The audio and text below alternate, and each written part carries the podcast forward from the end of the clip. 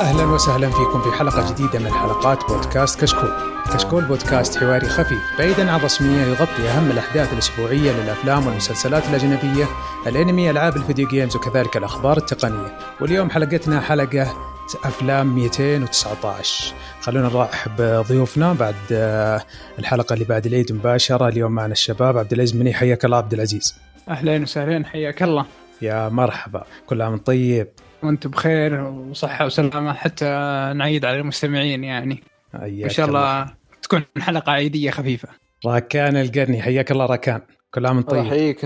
أهلا وسهلا. الله يحييك. وكل عام وأنت بخير لك وللشباب والمستمعين كلهم إن شاء الله. كل عام طيب. وبعد انقطاع لاكثر من 60 يوم عبد الله العشوان حياك الله عبد الله. هلا ومسا لا حياك الله أبو باسل وكل عام وأنتم بخير والمستمعين والشباب بخير.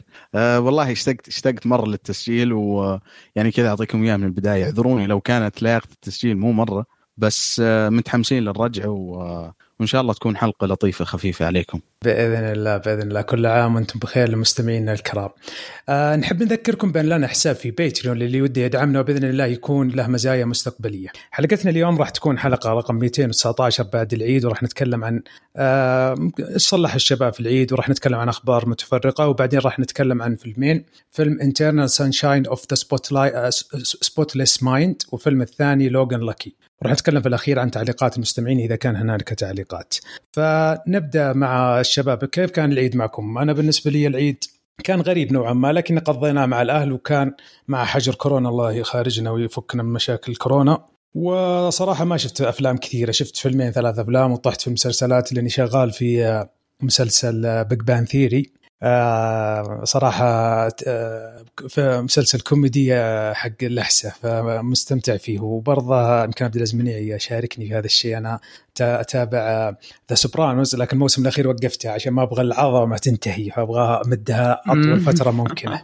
فتقريبا ما في إلا هذا اللي صلحناه في العيد. فما أدري كيف وضعك أنت يا عبد العزيز؟ وين وصلت The Sopranos والله أنا المشكلة علقت شوي على الجزء الرابع لأني رحت أشوف مسلسلات ثانية. لكن تقريبا اشارك نفس الشعور اللي ما ودي اخلص خلاص أنا وصلت لمرحلة إني ابغاه زي حاليا زي روتين حياتي اللي كل يوم حلقة شيء مثل كذا. ما عاد صرت إني أبغى والله أش... آخذ لي سبع حلقات ولا أربع حلقات باليوم ما عاد صار ينفع هذا الشيء. يا رجل آه. الموسم الأخير الظاهر 20 حلقة تقريبا. اي اي دبل آه. دبل. هو الوحيد اللي ف... دبل. فوالله ماني قادر أبدأ فيه. أبغى ما أبغى تنتهي العظمة حقته. ويا أخي وغريب إن هذا المسلسل إنه من عام 1999 يعني قديم مسلسل قديم. يعني تتكلم على جدا قديم. تتكلم على 22 سنة. وفيلم يعني صراحة قوي جدا. ف بس إني طايح الحين في Big Bang Theory للملحوسين واللي يحبين يحبون الفيزياء والكيمياء وال nerds مسلسل حلو والله بالنسبة لي. أه بس على طاري The Sopranos أنا تفرجت عليه قبل ممكن سنة خلصته وكان صراحة من يعني أشارككم الشعور اللي في نهاية المسلسل فعلا ما تبغى تخلصه لأنه تتعلق بالشخصيات بشكل كبير ومسلسل أصلا يعتمد على الشخصيات بشكل مرة كبير. بس في من الأشياء اللي دائما أحس جمهور The Sopranos والناس اللي تفرجوا على Sopranos يختلفون فيها. وش كان؟ يعني لحد الآن أتوقع عبد العزيز تفرجت لحد الموسم الرابع وأبو باسل تقريبا في الموسم الأخير. وش الموسم اللي فعلا تحسه؟ يعني المسلسل أتوقع نتفق إنه تحفة. يعني كل كل مواسمه كلها ممتازة. ما في موسم سيء. بس وش الموسم اللي تحسه لا يعني كذا بالنسبة لك لحاله؟ آه فودي أنا أنا بالنسبة لي يعني بس في البداية الموسم الثاني بالنسبة لي يمكن هذا قد يكون من من أعظم الأشياء اللي شفتها لأنه جدا ممتاز و The Sopranos في النهاية. بس ودي أنا أسمع منكم أنتم يعني أي أي موسم اللي تحسه الأقرب لك واللي تحسه يعني فعلا المسلسل أقلع فيه. والله شوف ما تقدر تحكم إلا إذا خلصت المسلسل لكن اللي عجبني Sopranos إن رتمه واحد. يعني ما تقدر تقول في موسم سيء موسم ممتاز. تحس إنها سلسلة تصاعدية بطريقة ممتازة جدا. يعني ما هي ما تحس إنه أوه لا والله الموسم هذا سيء. تحس إنك ما انقطعت. تحس إنه season واحد. ما هو إنه صح. تقريبا ستة seasons فما أدري خليه ينتهي وبعدين أعطيك رأي. عبد العزيز يمكن نفس الطريقة. لا تقريبا أتفق مع أبو باسل يعني. أنا المشكلة إني كذا كل ما جيت أبدأ موسم يجوني الناس يقولون ترى الموسم الجاي هو أضعف موسم يعني. لا ترفع. بعدين حصله ممتاز وش السالفة؟ لكن بشكل عام يعني بحكم إني واصل لين الرابع أشوفه هو أفضل موسم. طب عشان ما تكون بس لما عشان ما ندخل في مسلسلات إن شاء الله نتكلم عنها في كشكول مسلسلات. طيب آه، يا في شيء زد شفته يا عبد العزيز ولا ننتقل للشباب؟ لا لا بس طيب عبد الله إيش شفت في العيد؟ آه والله كان أغلب الأشياء اللي تفرجت عليها كانت rewatch أو مشاهدة يعني ما ما شفت شيء جديد بس ممكن من يعني أكثر الأشياء اللي اللي لفتت انتباهي وفعلا استوعبت عظمة الشيء هذا اللي هو the Good Will Hunting رجعت تفرجت على الفيلم لأنه أول مرة شفته كان كان بالنسبة لي فيلم مرة ممتاز واستمتعت فيه. بس لما رجعت شفته الآن يعني عرفت لأنه تعرف أول أسمع الناس يتكلمون عن عظمة الفيلم هذا وأحيانا ما أستوعبه صراحة. يعني كان بالنسبة لي أوكي فيلم ممتاز. بس لما رجعت شفته الآن الفيلم عظيم وصراحة من أعظم الأشياء اللي اتكتبت في التاريخ. وال- والغريب فيه يعني شوف سخرية القدر اللي كتب الفيلم هذا مات ديمن وبن أفلك. وعلى فكرة فازوا فيه في الأوسكار لما كان عمرهم أتوقع 19 سنة 18 سنة شيء زي كذا. فالفيلم عظيم يعني كتابته غير أي شيء ممكن تشوفه. يعني أنا صراحة لما لما شفت الفيلم يعني كذا جلست فتره بسيطه أقول ليش ما في شيء زيه؟ فعليا يعني فيلم فيلم رائع صراحة وكلاسيك. حرفيا. فاللي ما شاف الفيلم أو له فترة أصلا يعني ما شافه يرجع يشوفه فيلم صراحة عظيم جدا. و آه ومع مع بعض الفعاليات الثانية يعني صراحة يعني عشان عشان أقول لك تأثير الحجر آه، رجعت أتفرج كذا على أفلام مصرية قديمة وبالأخص ممكن أفلام آه، محمد هنيدي. يعني كذا من من من همام في أمستردام لحد ممكن آخر كم فيلم كانت له. فتجربة يعني ورحله كذا ممتعة. بس لو ما كنا في الحجر ما أتوقع حسويها وممكن ما أسويها ثاني صراحة لأنه لأنه الأفلام اللي شفتها هذه كان واضح إنه الوقت مر علي وتأثرت. ف يعني ها هذه كانت أغلب الأشياء اللي سويتها صراحة في فترة العيد. حلو حلو. طيب آه، راكان القرني إيش شفت في العيد؟ وكيف كان العيد معك؟ ناحية سينمائية ومسلسلات بالنسبة للأفلام في العيد شفت بعض الأفلام قليلة كانت صراحة كان منها الكلاسيك والدراما والكوميدي. بما أنه يعني عيد يعني. آه، وفي برضو طحت يعني تابعت على مسلسل Better Call Saul. في ذا الفترة كنت أتابع Better Call Saul بعدين مع نزول Space Force رحت أشوفه. وهذه بس الأشياء اللي كنت أشوفها السنة هذه الفترة هذه قصدي. حلو حلو. طيب ننتقل للاخبار اللي عندنا. في أخبار آه، الفترة الماضية كانت ما في أخبار سينمائية كثير إلا التأجيلات فقط لكن مع الفترة الماضية صار في بعض الأخبار. فأنا راح أبدأ مع أول خبر. نزل ال trailer حق الفيلم Tenet حق آه، كريستوفر نولان. ال trailer آه، صراحة إنه زاد يعمق ال- الغموض حق كريستوفر نولان بشكل فيلم جبار طبعا من بطولة ولد دينزل واشنطن. وقالوا ال release حقه راح يكون في السينما وهذا خبر مفاجئ لأن ما قد آه، سمحوا بالسينما إنها تفتح على مستوى العالم وأعلنوا آه، تاريخ الإصدار بيكون في بينزل في السينما يوم 17 July. فصراحة ال trailer مرة ممتاز حتى روبرت باتنسون أنا شفت له تعليق في تويتر يقول إنه يمثل وما هو داري إيش السالفة وهو ممثل في نفس ال- الفيلم.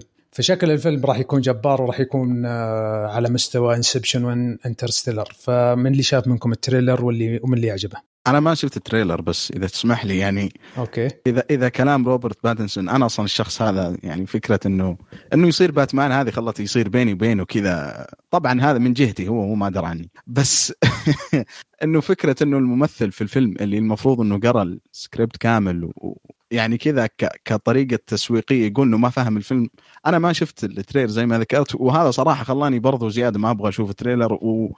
وما أدري قل حماسي مع الفيلم. لأنه ما أدري بس فكرة يعني صناع الأفلام زي كريستوفر نولان كذا أنا أعشق كثير من أفلامه. بس مو بكلها لكن فكرة إنه يعني ما أدري إنه إنه تصير ال- الغموض وال وال والتويست في الفيلم اللي أهم حتى من من فكرة الفيلم وطريقة التنفيذ ما أدري صراحة هذه يعني من الأشياء ما ما تحمسني. بس ما أدري خل أسمع منكم. ممكن كذا أتحمس ولا شيء. من اللي شاف ال trailer. okay آه أنا شفت ال trailer. وأول شيء صراحة أنت التصريح روبرت باتنسون. إذا كان هو يقصد فيه تسويقيا فهو تصريح مرة سيء. حتى وكان لو. كان من جد فهو سيء لأنه مش معقول أن الفيلم ما يعرف حبكة المفروض أساسا هو يتحمس لتحليل والأشياء اللي يسويها عشان يقدر يعني إيش هو يسوي بالضبط. وهذول الممثلين اللي مع كريستوفر نولان يعني أغلبهم اللي كانوا يقولون إنه نبذل جهد أكثر عشان نقدر نفهم أشياء خلف ال- ال- القصة نفسهم وحتى إنهم يحطون لمستهم على القصة وعلى الشكل اللي هم اللي بيقدمونه لنا. لكن آه، بالنسبة لكلام عبد الله اللي هو إنه آه، صراحة أفلام نولان ما أعتقد إنه تعتمد مثلا على ال twist أكثر من القصة والمبدأ اللي هو يسويها. آه مو كلهم. مو كلهم.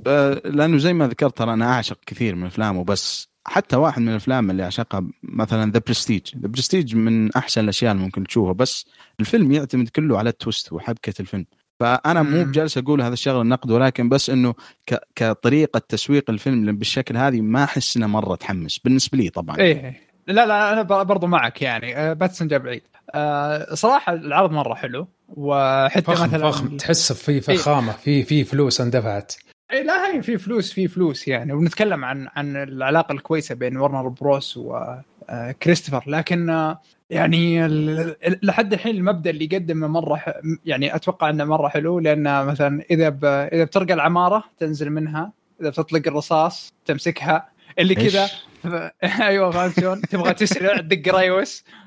فحسيت إنه يلا أنا مرة متحمس أبغى أشوف إيش بيسوي. وغالبا لنولن ما يسويها تخريص. أو عبط يسويها اللي يجيب لك يحاول يجيب لك أفضل يعني شكل ممكن. هو كريستوفر نولان كريستوفر نولان في أفلامه ما فيها twist زي الأفلام الثانية اللي في نهاية الفيلم تفهم القصة. الفيلم من أول إلى اخره twist يعني حوسة حوسة كذا وفي الأخير تلاقيها مربوطة ربط عجيب من كريستوفر نولان. يعني آه جدا جدا عظيم. كثر عظمته آه، يبغى لك بعد ما تشوف الفيلم تشوف شرح له وبعدين ترجع تشوف الفيلم مرة ثانية تحس إن في قوة آه، إخراجية وكتابية وعظيمة جدا يعني ما هي بسيطة. ما أدري كان شفت ال trailer؟ اي أنا صراحة شفت ال trailer. وحماسي صراحة زاد مع ال trailer. صحيح إني كنت متحمس جدا لكن زاد مع ال trailer. أه... أه... نولان ما ما أتوقع إنه بيخيب الامال لأنه يعني ما ما بيغامر لذا الدرجه أه وبرضه يعني أنا ضد عبد الله في العشوان في هذه السالفة سالفة روبرت باتنسون. بالعكس أنا متفائل في روبرت باتنسون جدا. وأحس إنه ممكن يؤدي وممكن يكون ممثل قدام بشكل كويس لأنه عنده طاقة ما شاء الله و... واختياره للنصوص القادمة واضح إنه آه، يبغى يتو...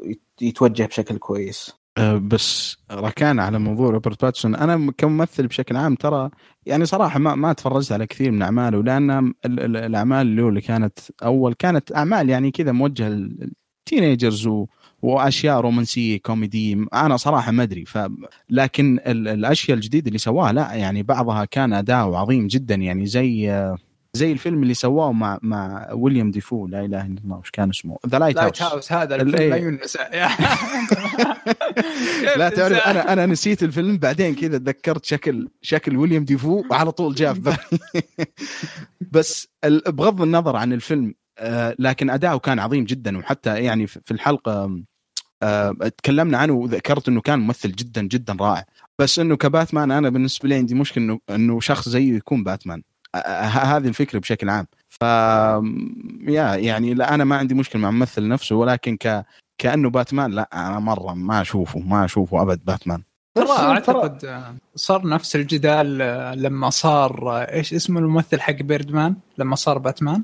آه، مايكل كيتن أيوه مايكل كيتون. أتذكر لما كان باتمان لما اختاره المخرج كان مرة صخب عالي. أساسا هو ممثل كوميدي بعدين وبزر تو طالع و لكن قدم باتمان ممكن هو أفضل باتمان. فيس آه. ممكن نشوف نفس التويست يعني. بغض النظر إذا هو أفضل باتمان أو لا يعني أهم شيء بيقدم باتمان كويس. بس يعني أساس أقولها كذا على طول أفضل باتمان بن افلك يعني بالنسبة لي ما فيها يعني ما في اختلاف. بس يعني إنه فكرة ال ال الوضع بالنسبة لي الفرق بين مايكل كيتن وروبرت بانسون إنه مايكل كيتن كذا لما تشوفه تحت تحس فيه يعني كذا رجل طويل القامة عريض المنكبين يعني كذا تحسه رجل ينفع يصير super hero. أما روبرت باتنسون معليش يعني بس أنا ما شفت ال trailer حق الفيلم هذا Tenet ولكن كذا في كم مشهد له تحس يا أخي كذا ودك تسطره يا أخي ذا ما كيف هذا يصير باتمان؟ يعني واصلا فكرة إنه باتمان يعني واحد زيه ابدا ابدا شكله مو باتمان. يعني مثلا لو لو تشوف فرق الشكل بينه وبين بن أفلك لما كان جالس يحضر دور باتمان فرق فرق مرة مرعب. فما يعني أنا أنا مو عندي مشكلة مو إنه كباتمان كممثل ولكن كبنية جسمانية وكشكل مرة مو راكب عليه صراحة. يعني حتى ما أدري إذا تذكرون قبل فترة طويلة طلع كذا زي زي الصورة كانت teaser من المخرج مات ريفز اللي خي... ح... حيخرج أفلام باتمان جديدة وكان كان بال costume روبرت باتنسون وكان مرة سيء. يعني حتى طلعت عليه memes و... وناس كانوا يشبهونه ب Daredevil وكذا و... ف... صح صح. بنشوف. ب... أنتم الحين خرجت الموضوع من Tenet إلى DC. عشان كذا خلي يلا- خلي نسوي أجل transition للخبر اللي يلا عندي. روح روح. أوكي. عطنا الخبر اللي عندك. طيب أعطاني باتمان وبن افلك بن افلك يبي يرجع مرة ثانية بباتمان. yes آه مع زاك سنايدر. هو ما بيرجع هو قد صور وقد خلص بس إنه بكشة كذا. حلب حلب. المهم إنه الناس جلست ثلاث سنين تصيح على WB أو ورنر بروس إنهم يحطون نسخة آه، زاك سنايدر طبعا حق Justice League حق Justice League أيوه. عشان نحط لكم الخبر Justice League يعود مع زاك سنايدر الحين. ندخل مع التفاصيل حلو. WB كانوا زاحفين صراحة بالموضوع. كانوا يردون على الجمهور بأشياء اللي ترى موجودة النسخة بس ما ما إحنا مطلعينها. وكانوا يعني حرفيا اللي هم يكبون الزيت على النار. والموضوع بتصاعد بتصاعد. وأعتقد إنه حتى الممثلين والمخرجين زاك سنايدر نفسه قد لمح إنه في نسخة لي بال... عند عند ورنر بروس وطلع يمكن بعدها بن افلك قال أتمنى إنها تطلع النسخة. فمع كل مرة كذا يصير في شيء الجمهور يقب يقب مرة يقب نبغى النسخة. بعدين يطلعون WB يقولون لا ما في نسخة. ولا ولا راح موجودة بس ما راح ننزل هذه. ألين ما يوم من الأيام قريب يعني قبل أسبوع أو أسبوعين طلع آه، سنايدر وقال إنه وكان معه هنري كافيل كذا ب Zoom بث كان بث Zoom أو شيء مثل كذا. وقال yes أخيرا ورنر بروس اسمحوا لنا آه، نرجع آه، نسخة Justice مني أنا إخراجي. لأنه هو أساسا نص الفيلم كذا اللي سحوه أو هو اعتزل ما أدري وش اللي صار بنته انتحرت وقتها عشان التنمر اللي جاء لما وإنه أفلامه سيئة والكلام هذا. فحطوه على جنب وبعدها طلع Justice League فيلم سيء مرة وما ينشاف. وقالوا السبب إنه لأن الفيلم صارت عليه مشاكل. فالحين زاك سنايدر رجع ورجعوا معه 20 مليون دولار على الكاش راح يصرفها على الفيلم من مؤثرات بصرية وفي ممكن إعادة تصوير وفي أشياء كثيرة. طلع وتكلم قال نسخة الفيلم راح تكون أربع ساعات. أه تكلم عن شخصيات انحذفت ب Justice League راح ترجع مثل Darkseid مثل Green Lantern وكل يومين جالس ينزل posters على تويتر وعلى انستغرام صور للفيلم. بن أفلك راح يرجع هنري كافيل راح يرجع كسوبرمان آه والدنيا مشعللة عند DC. وبيرجع على شبكتهم الجديدة HBO Max صراحة عودة قوية ل صراحة عودة قوية حتى HBO ذكيه انها اخذت زاك سنايدر آه، cut آه، اللي هي النسخة حقت جاك سنايدر والفيلم أنا شفت مم. النسخة اللي نزلت في السينما. كانت لا بأس بس فيها مشاكل وفيها سوء لأن زي ما قلت آه، زاك سنايدر جاءت- الظاهر انتحرت بنته فما كمل تصوير الفيلم فجابوا مخرج ثاني ولفقوا الفيلم وصدروه. فصراحة خبر جيد. ما أدري هل DC آه، هل هي عملية حلب ولا ولا صدق إنه راح يخرج لنا منتج ممتاز؟ وراح نشوف. ما قالوا متى يطلعون الإصدار حقه تقريبا؟ الا حطوا تاريخ 2021 راح ينزل. من بس ما حدد الشهر. ب- ب- ب- بس بالنسبة لأبو باسل يوم تقول إنه حلب ما ما أتوقع إنه Warner Brothers بي بيحلبون شيء فشل. Justice League لا فشل لا لا لا ورنر بروس يحلبون أشياء فشلة لا المشكلة المشكلة ما هي هنا. المشكلة إن في تكلمنا عن روبرت باتنسون شغال على فيلم آه، ب- باتمان.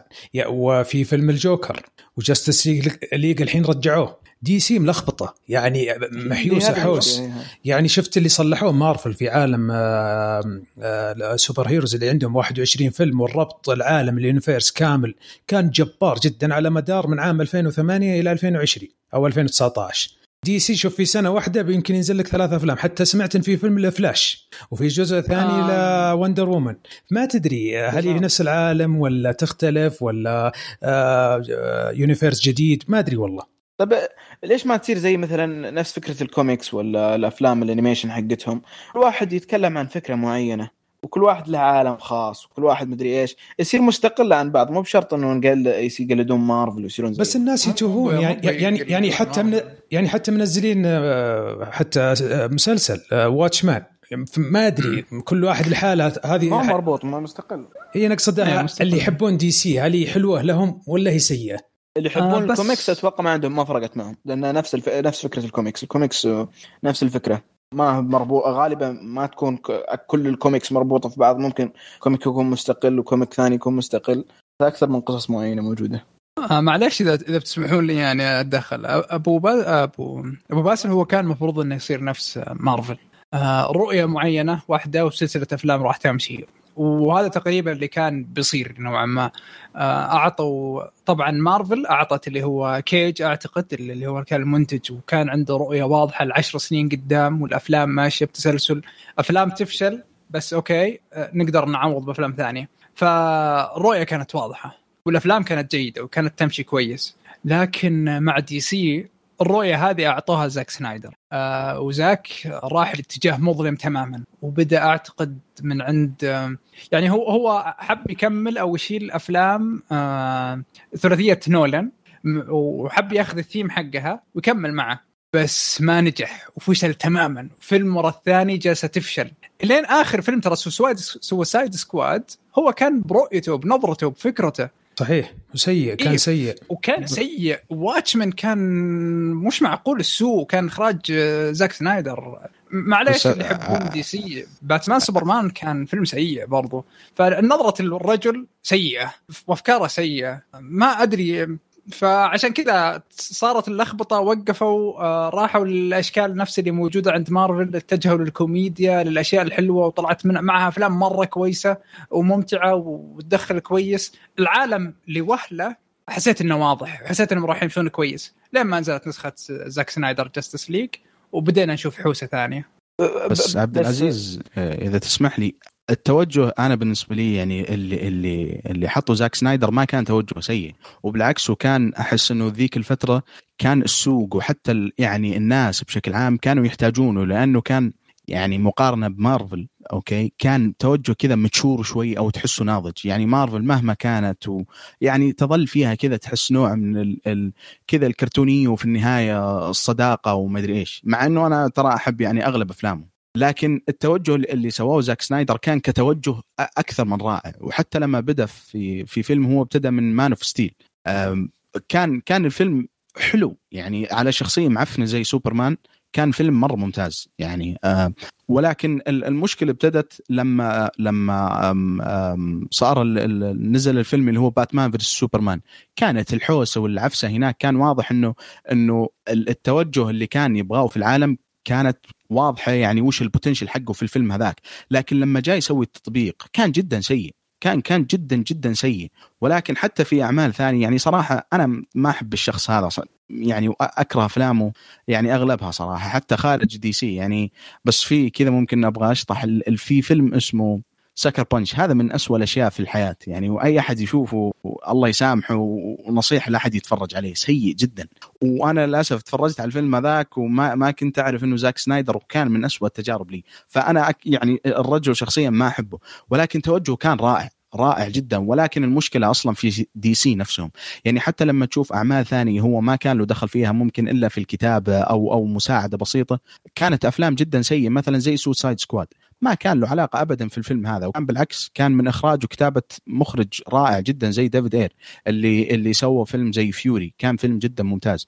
ولكن الشركة نفسها اللي- خبطت في الفيلم وسوت نسخة غير النسخة اللي كان يبغاها المخرج زي ما صار بالضبط مع جاستس ليج أنا جاستس ليج بالنسبة لي إلى الآن صراحة ما شفته ولا ناوي أشوفه لحد ما تصدر نسخة سنايدر كت لأنه ما أقدر أحكم على الفيلم. ال- الناس هذولا صراحة يعني ما عندهم سالفة. إلا ممكن طلع معهم كذا صدف جوكر و... وما أتوقع صراحة إنها تصدف ثاني. فزاك لا سنايدر ما بس معليش بس هو م- مش صدف يعني. ورنر بروس من أحسن الناس تسوي franchises ترى ممكن بالتاريخ من نرجع للعام 90 أو 89 لما سووا باتمان حتى مثلا ليش أفلام نولان قبلها بسنة بالضبط كانت ممتازة جدا؟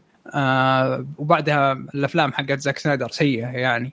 وحتى لما تشوف لما تشوف شازام ولما تشوف جوكر أفلام ممتازة يعني. أتفق أتفق معك هم هم 100%. مش مش سيئين. وعلى فكرة ممكن إني غلطت ممكن كان توجه زاك سنايدر حلو ظلامي لكن كان التطبيق خطأ. فممكن بالضبط. إني ظلمته شوي. إيه. آه لا لكن ترى. ترى عبد العزيز إحنا ما نتكلم عن ورنر براذرز بقد ما نتكلم عن دي سي والناس ال- اللي في ورنر براذرز يشتغلون في دي سي لأنه في في أعمال صراحة راحت ضحايا لتوجههم يعني مثلا على أساس أجيب لك مثال على أنه كانت في أعمال لها potential كبير وكان وراها أسماء كبيرة. زي ترى سوسايد سكواد اللي ما يعرف إنه الفيلم أصلا تسوى ونزلت منه أو أو صدرت النسخة النهائية حقت المخرج ولكن بعدين راحوا وجابوا شركة ثانية شركة متخصصة ب trailers وخلاهم يأخذون الفيلم كان مدته ما أدري ثلاث ساعات شيء زي كذا وسووا منه النسخة هذه. يعني النسخة اللي طلعت ترى هذه لما لما ترجع تدور وراها ما تدري من بالضبط. المخرج أكثر من مرة طلع وتكلم قال أنا بريء من الموضوع هذا قال أنا أنا أنا ما اشرفت على النسخة هذه. حتى اللي مثل شخصية الجوكر في Justice League يقول أنا مثلت مشاهد كثيرة ما طلعت حتى 10% من المشاهد اللي صلحتها. بالضبط. في ناس يطالبون آه، يصير في Suicide Squad نفس اللي صار مع سنايدر cut إن اعطونا النسخه اللي ما. طلعت. ليت. أنا العموم هو شوف يعني زاك سنايدر ال- الحكم النهائي عليه راح يكون ب Justice League وأنا أتوقع إنه راح يطلع زي Watchmen فيلم مدته أربع ساعات وكلام فاضي. اكشن ما اكشن أكشن شيء. جميل أكشن جميل بس آه، دراما أبو كلب وربط أحداث أبو كلب. لا شوف ترى على فكرة ما أتمنى ذا الشيء لأنه حتى نفسه عبد الله ترى أنا ما شفت ال Justice League لأني كنت أعرف إنه تخبيص ولخبطة بالفيلم.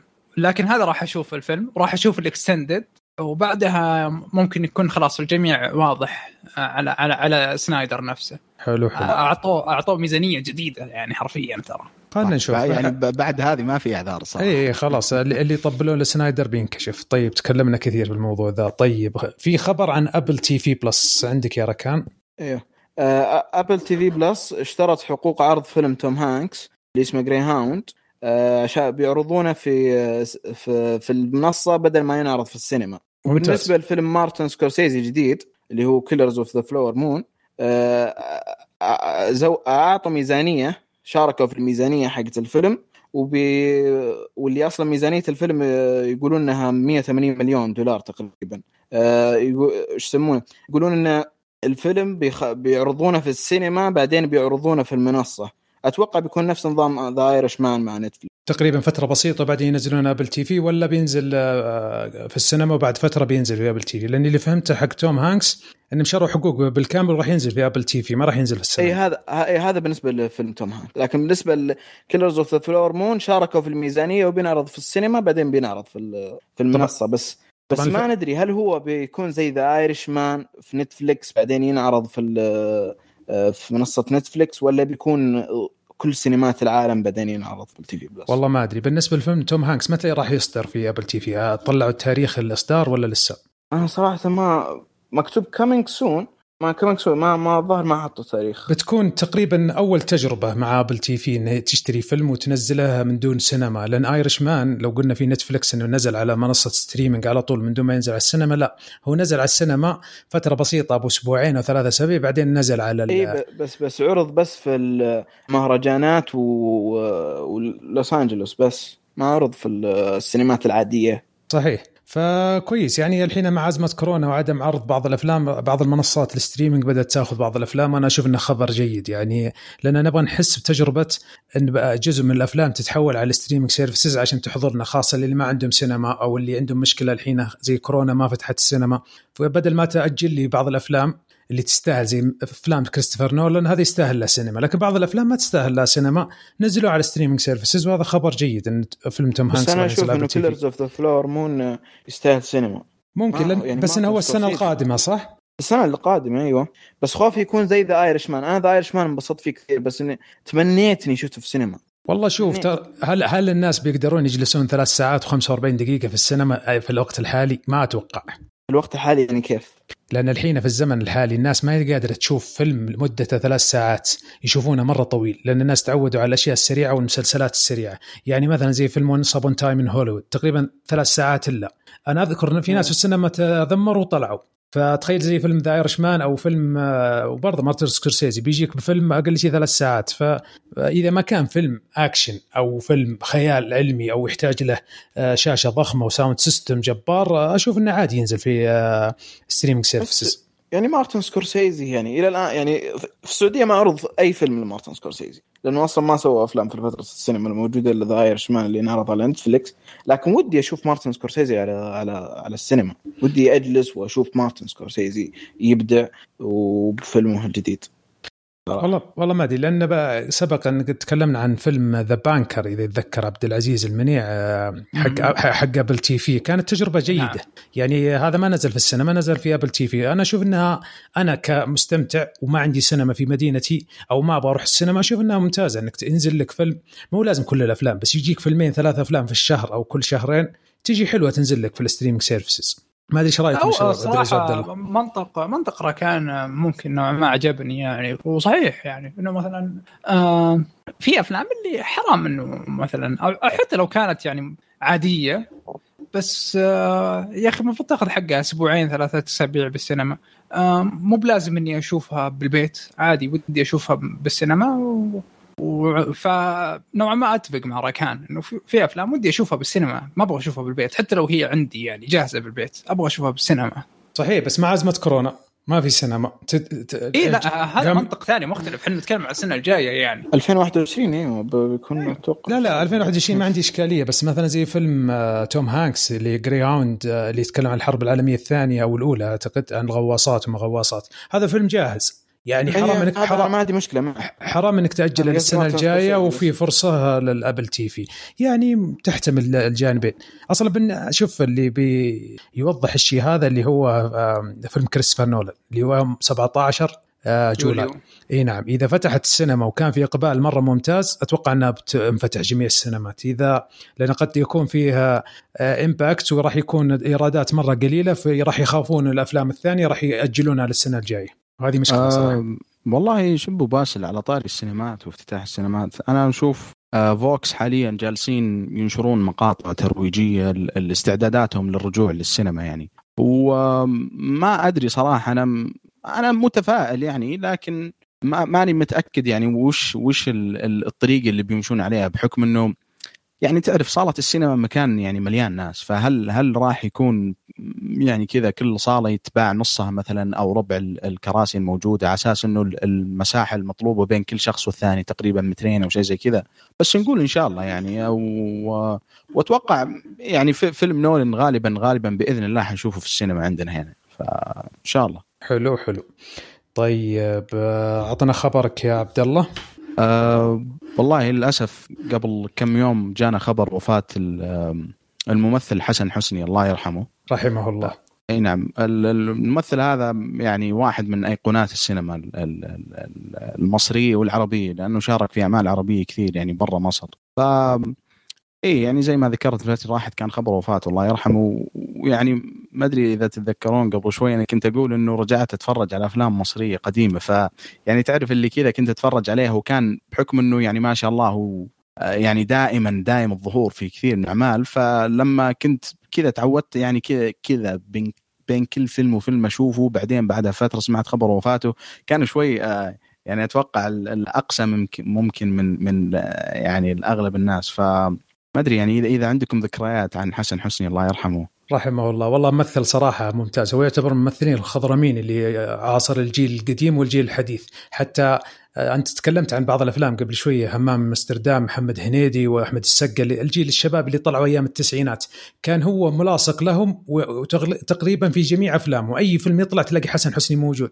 بعدين طلع مع هاني رمزي ومع الليمبي ومع ممثلين كثير. وكان صراحة خفيف ظل ويضيف للأفلام. وبرضه عنده مسلسلات مصرية مرة ممتازة. وكان والله أداء مرة ممتاز وجيد وخفيف ظل وممتع. وحتى له memes تطلع له في التويتر أو في الإنترنت. الانترنت مرة ممتازة فكانت مسيرة حافلة الله يرحمه ويحسن إليه. صراحة إنه خبر آه، سيء يعني لكن نسال الله إن الله يرحمه ويحسن إليه. آمين إن شاء الله والمسلمين أجمعين. آمين. طيب آه بالنسبة للسينما يعني تكلمنا عن الأخبار الفترة الماضية كان فيها تأجيلات في ثلاثة أفلام أو أكثر بدأت يرجعون يمثلون. هذه أخبار جيدة للسينما يعني قرأت إن فيها Mission Impossible الجزء الأخير لتوم كروز فيها فيلم أفاتار مع جيمس كاميرون في نيوزيلندا رجع يصلحون مشاهد آه في برضه باتمان مع روبرت باتنسون فرجعوا آه، يصلحون سكيج ولا اعاده المشاهد والتصوير مما ينبع ان السينما بدأت تعود فيها الحياة وهذه أخبار جيدة.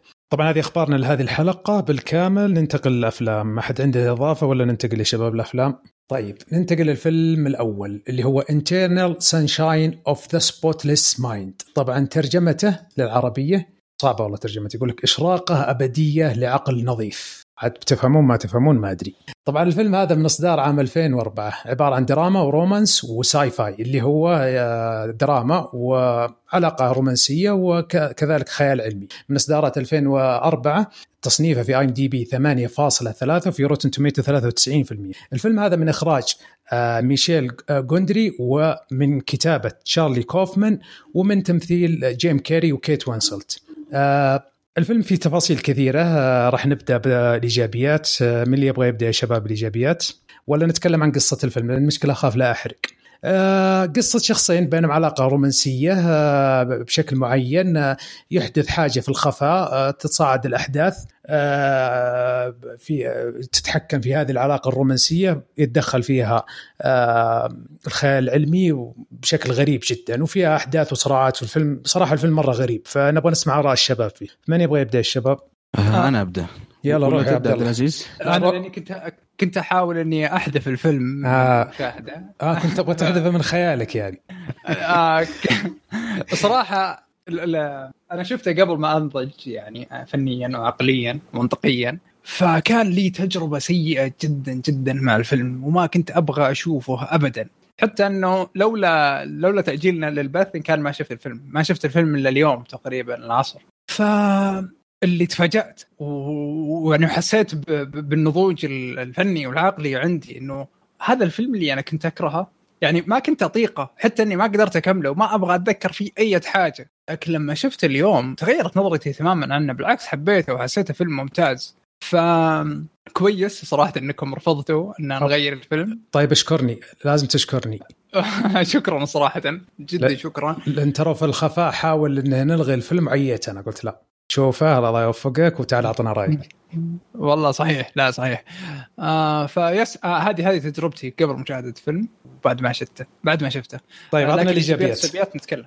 عطنا إيجابيات الايجابيات الفكرة بحد ذاتها. فكرة كانت مرة ممتازة. برضو هي يعني تتكلم عن عن منطق بأنه الحب دائما دائما هو بالقلب ليس بالعقل. ف يعني كانت مرة حلوة. حتى الطريقة اللي طرح فيها الفكرة. آه أيضا يعني ما ودي آه أدخل من موضوع التمثيل وهذا غالبا كان ممتاز خصوصا من كيت. أعجبتني مرة. آه هذه تقريبا أهم الإيجابيات. أنا أنا جدا مغرم بالفكرة وفلسفة الفكرة. حلو. طيب عطنا يا عبد الله إيجابيات الفيلم واللي ترى.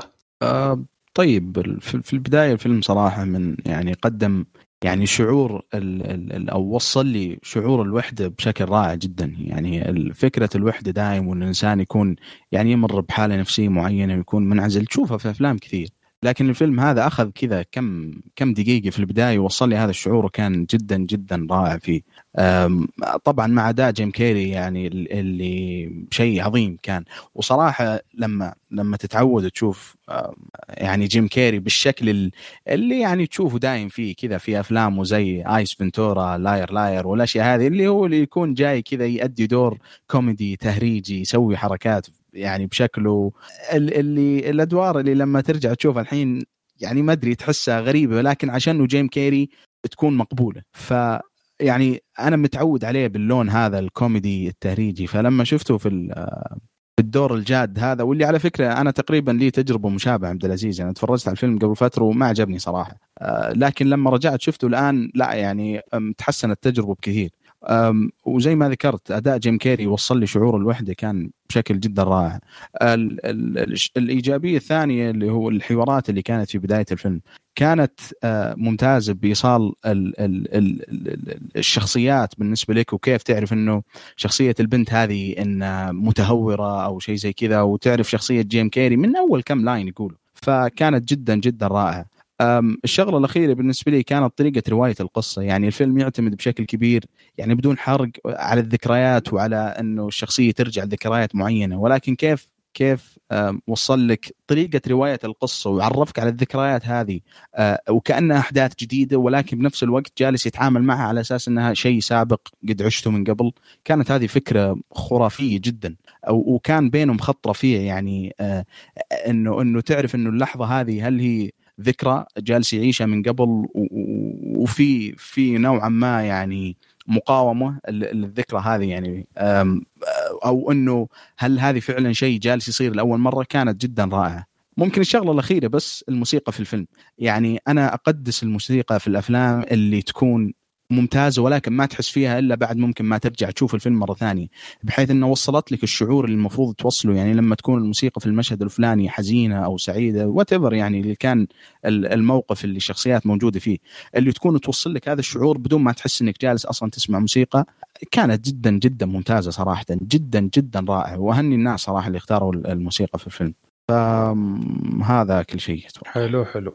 طيب راكان القرني اعطني إيجابياتك. آه، الفيلم هذا من نوعية الأفلام اللي تلحس المخ. آه، بطريقة ذكية جدا صراحة. قدر الكاتب أنه يصنع قصة ظاهرها معقد لكن باطنها عبارة عن مجرد قصة حب في النهاية. آه، الكاتب كتب الفيلم بطريقة ذكية ومجنونة في نفس الوقت. الكاتب أتقن كتابة الفيلم بشكل أسطوري يستحق فيها الفوز بجائزة الأوسكار لأحسن نص أصلي صراحة. آه، إخراج الفيلم كان جدا رائع تناغم مع الكتابة بشكل رائع جدا خدم القصة بشكل أسطوري وجذاب ولازم أشيد بالتمثيل. صحيح أنكم تك... يعني تكلم فيه تكلمتوا فيه بش... آه، وبحرتوا في هذا الموضوع لكني لازم أشيد فيه خصوصا جيم كاري اللي فاجأ العالم بدائل مختلف الرائع المقنع. وأثبت للعالم أنه ممثل قادر ومتمكن صحيح؟ أنه قد سوى أدوار درامية قبل كذا مثل The Truman Show و Man on the Moon لكن ما. كانت مختلفة. ها؟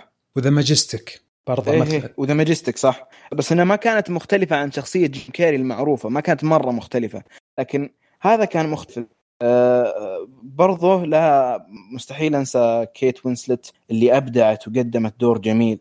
كان بينها وبين جيم كاري كيمياء جميلة صراحة. آه الفيلم مبدع من ناحية التفاصيل قدر يصور تفاصيل خدمت الفيلم بشكل كبير صراحة.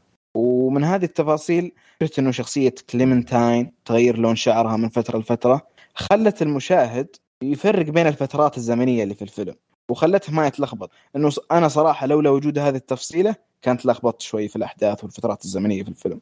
الفيلم مشبع بالجمال من جميع النواحي وخصوصا من ناحية القصة المعقدة الذكية اللي مليانة جنون. فيلم رائع جدا. حلو حلو. طبعا غريب إنك أنت اللي تكلمت على الالوان ما هو عبد العزيز. على العموم ال- أنا بقول وجهة نظري في الفيلم هذا. الفيلم طبعا آه، حاطه في ال list ه من زمان لسببين. أول شيء جيم كيري أنا أعشقه كممثل. طبعا لا يعلى عليه في الناحية الكوميدية وكذلك في أج- جوانب من أفلام الدراما زي ما قال آه، راكان. مع إنها كانت قليلة. وكيت وينسلت بعدها بسنة أخذت في الأوسكار عن فيلم The Reader فبطلين مرة قويين ويعطون قوة للفيلم. أنا دائما أشوفها بكثرة في الإعلانات وزي كذا وحاطة في الواتشنج ليست. لما جيت أشوف الفيلم قبل ما أبدأ في تفاصيل الفيلم اللي ما أعجب الفيلم أنا متفهم.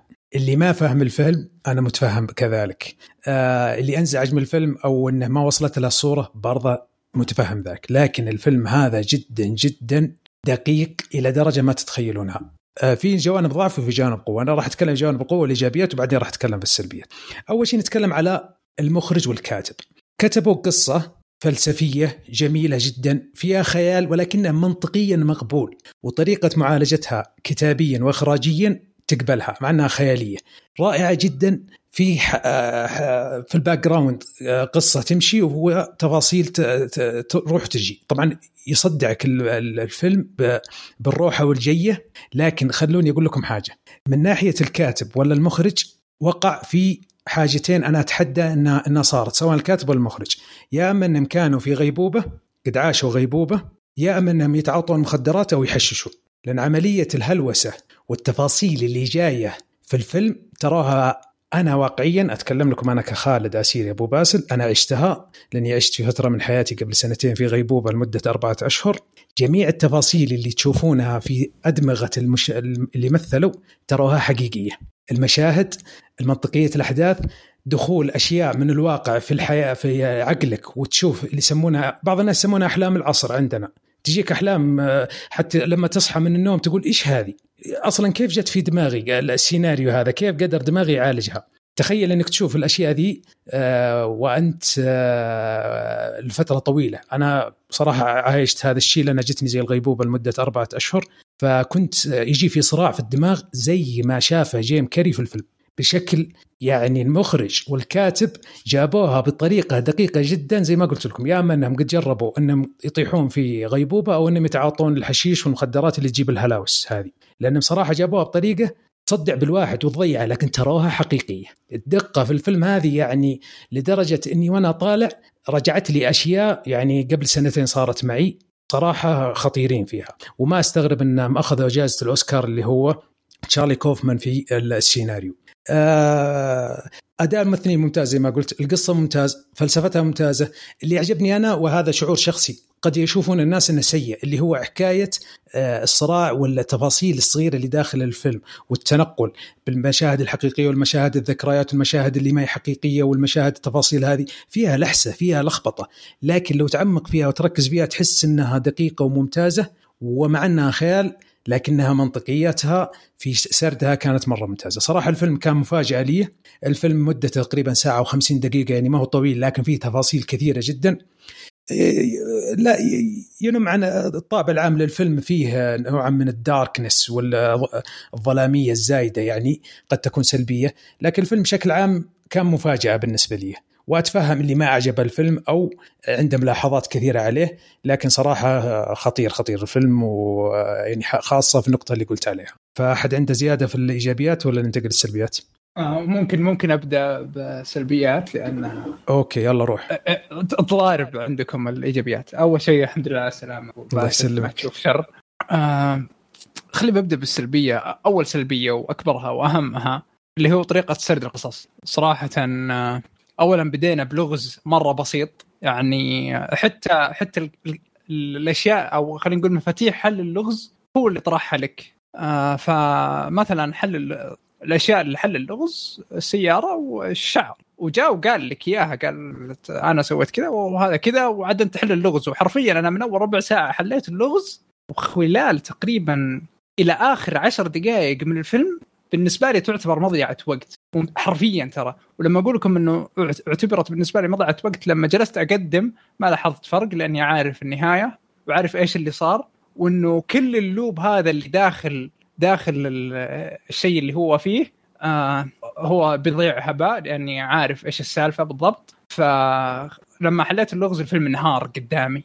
انهار انهيار تام وصار سيء وصرت عبارة عن مضيعة وقت ما لها داعي. آه فهذه اكبر أكبر سلبية. حتى أيضا ما تخدم فلسفة المشاعر الحقيقية. فهو إيش الفلسفة؟ إنه الحب دائما هو بالمشاعر وليس بالعقل. مهما قال لك عقلك آه ومهما كرهت شخص تجد نفسك إنك ترجع له.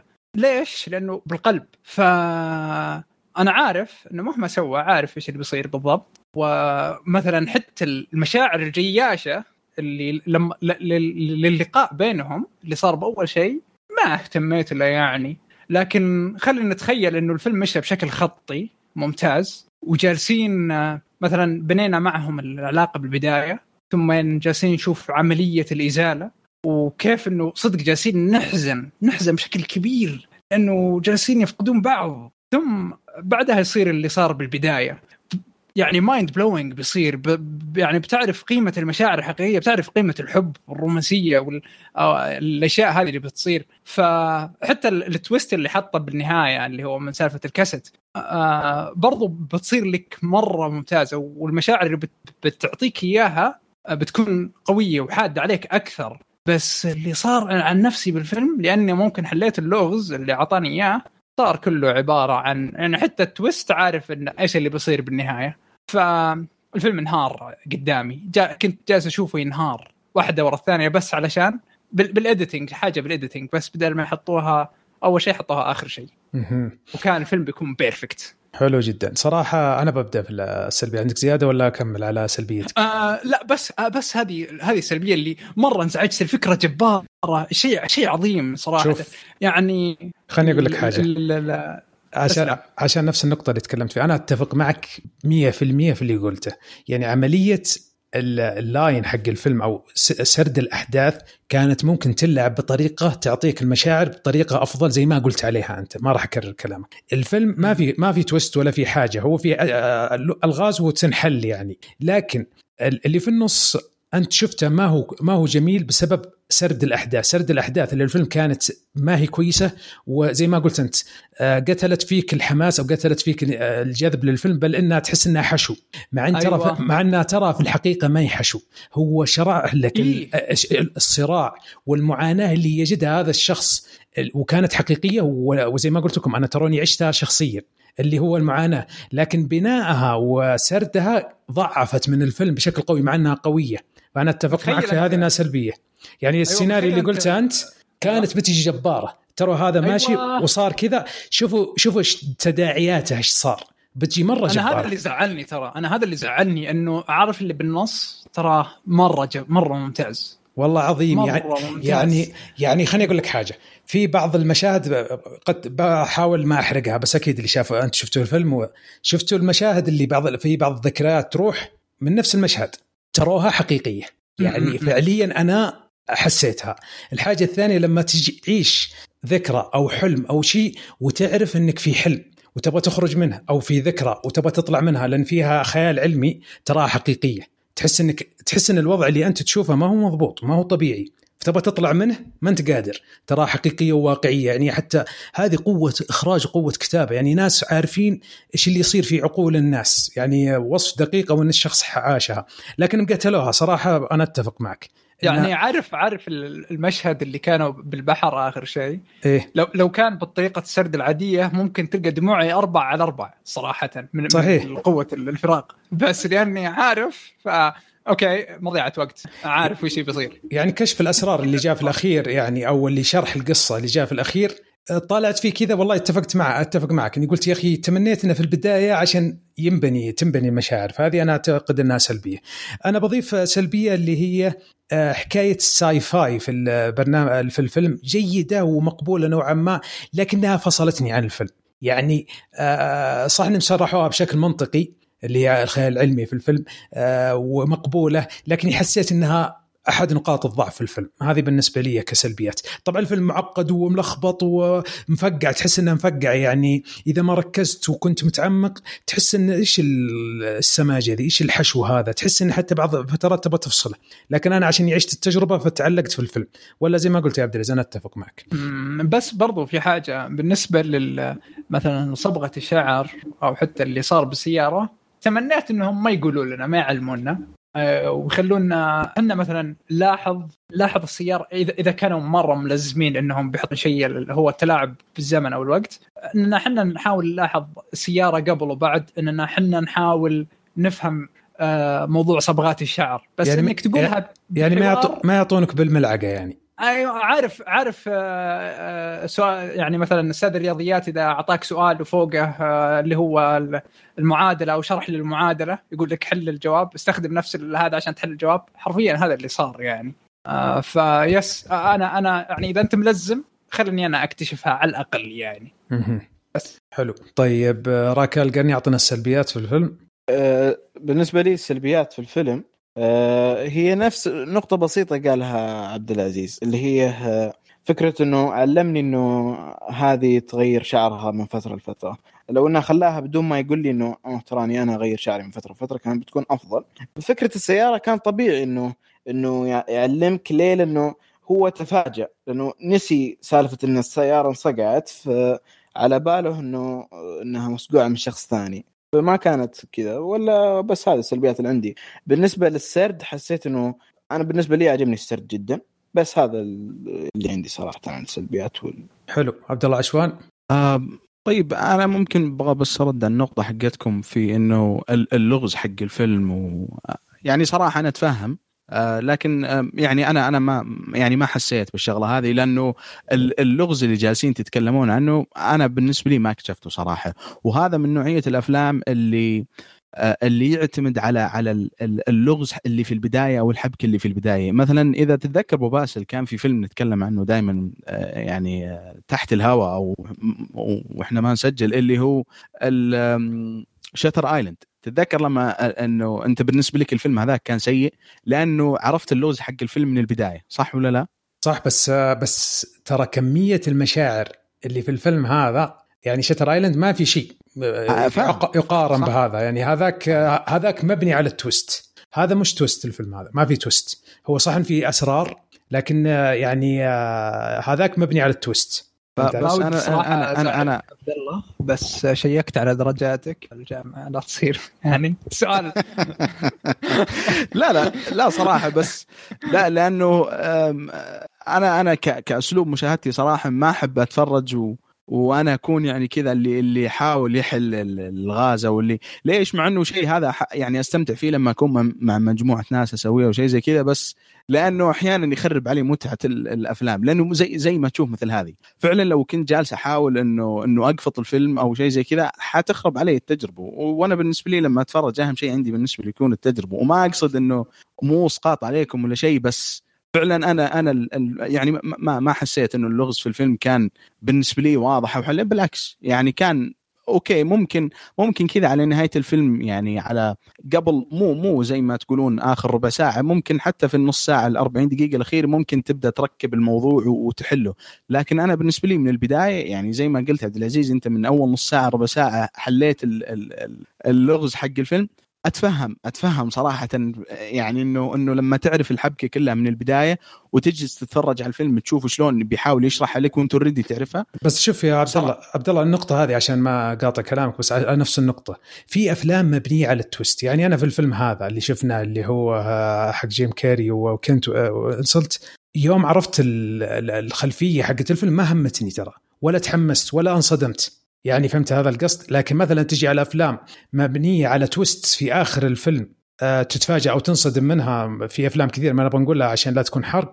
وفي أفلام لا تكون الفيلم كله twist يعني زي Fight Club أو زي كذا.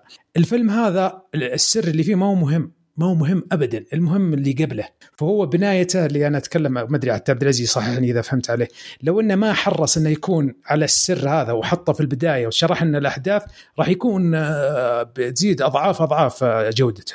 بالضبط وزي ما قلت لك أنا أتفهم يعني أتفهم النقطة اللي جالسين تشرحونها لكن أنا بالنسبة لي ما حسيت الموضوع هذا. ولكن خليني أتكلم عن السلبيات اللي حسيت فيها في الفيلم واللي ما كانت كثيرة. ممكن هي سلبية واحدة واللي هو المؤثرات البصرية في الفيلم سواء كانت كسي جي اي كمبيوتر يعني أو خدع بصرية يعني بدون استخدام الكمبيوتر كلها كانت كانت سيئة يعني.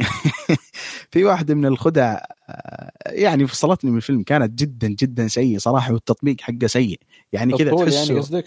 أيوه بالضبط. يعني لو كان فيلم حق ناس يدرسون في جامعة تعرف كذا المشاريع الطلاب اللي يسوي فيلم مستحيل يقعون في الخطأ هذا. كانت جدا سيئة. بقول معلومة ترى ممكن تبعد عنك هذه السلبية. ترى اللي هي؟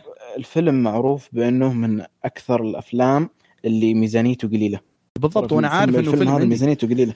بس عشان كذا أنا أنا ميزانيته قليله بس عشان كذا أنا قلت لك إنه هذه ما كانت ما كانت مسواة ب CGI. كانت كخدعة بصرية وكان في أكثر من طريقة ممكن انه إنه يحلون الموضوع أو في النهاية يلجؤون لل CGI. فعشان كذا أنا ذكرت لك مثل إنه حتى لو كان طلاب في جامعة يدرسون التخصص هذا صعب تلاحظهم يسوون الخطأ البسيط هذا. يا أخي حتى لو كان عندك مشهد ما أنت بقادر تسويه لأنه ما عندك فلوس أو شيء زي كذا يا أخي حاول تجيبه بطريقة أخرى.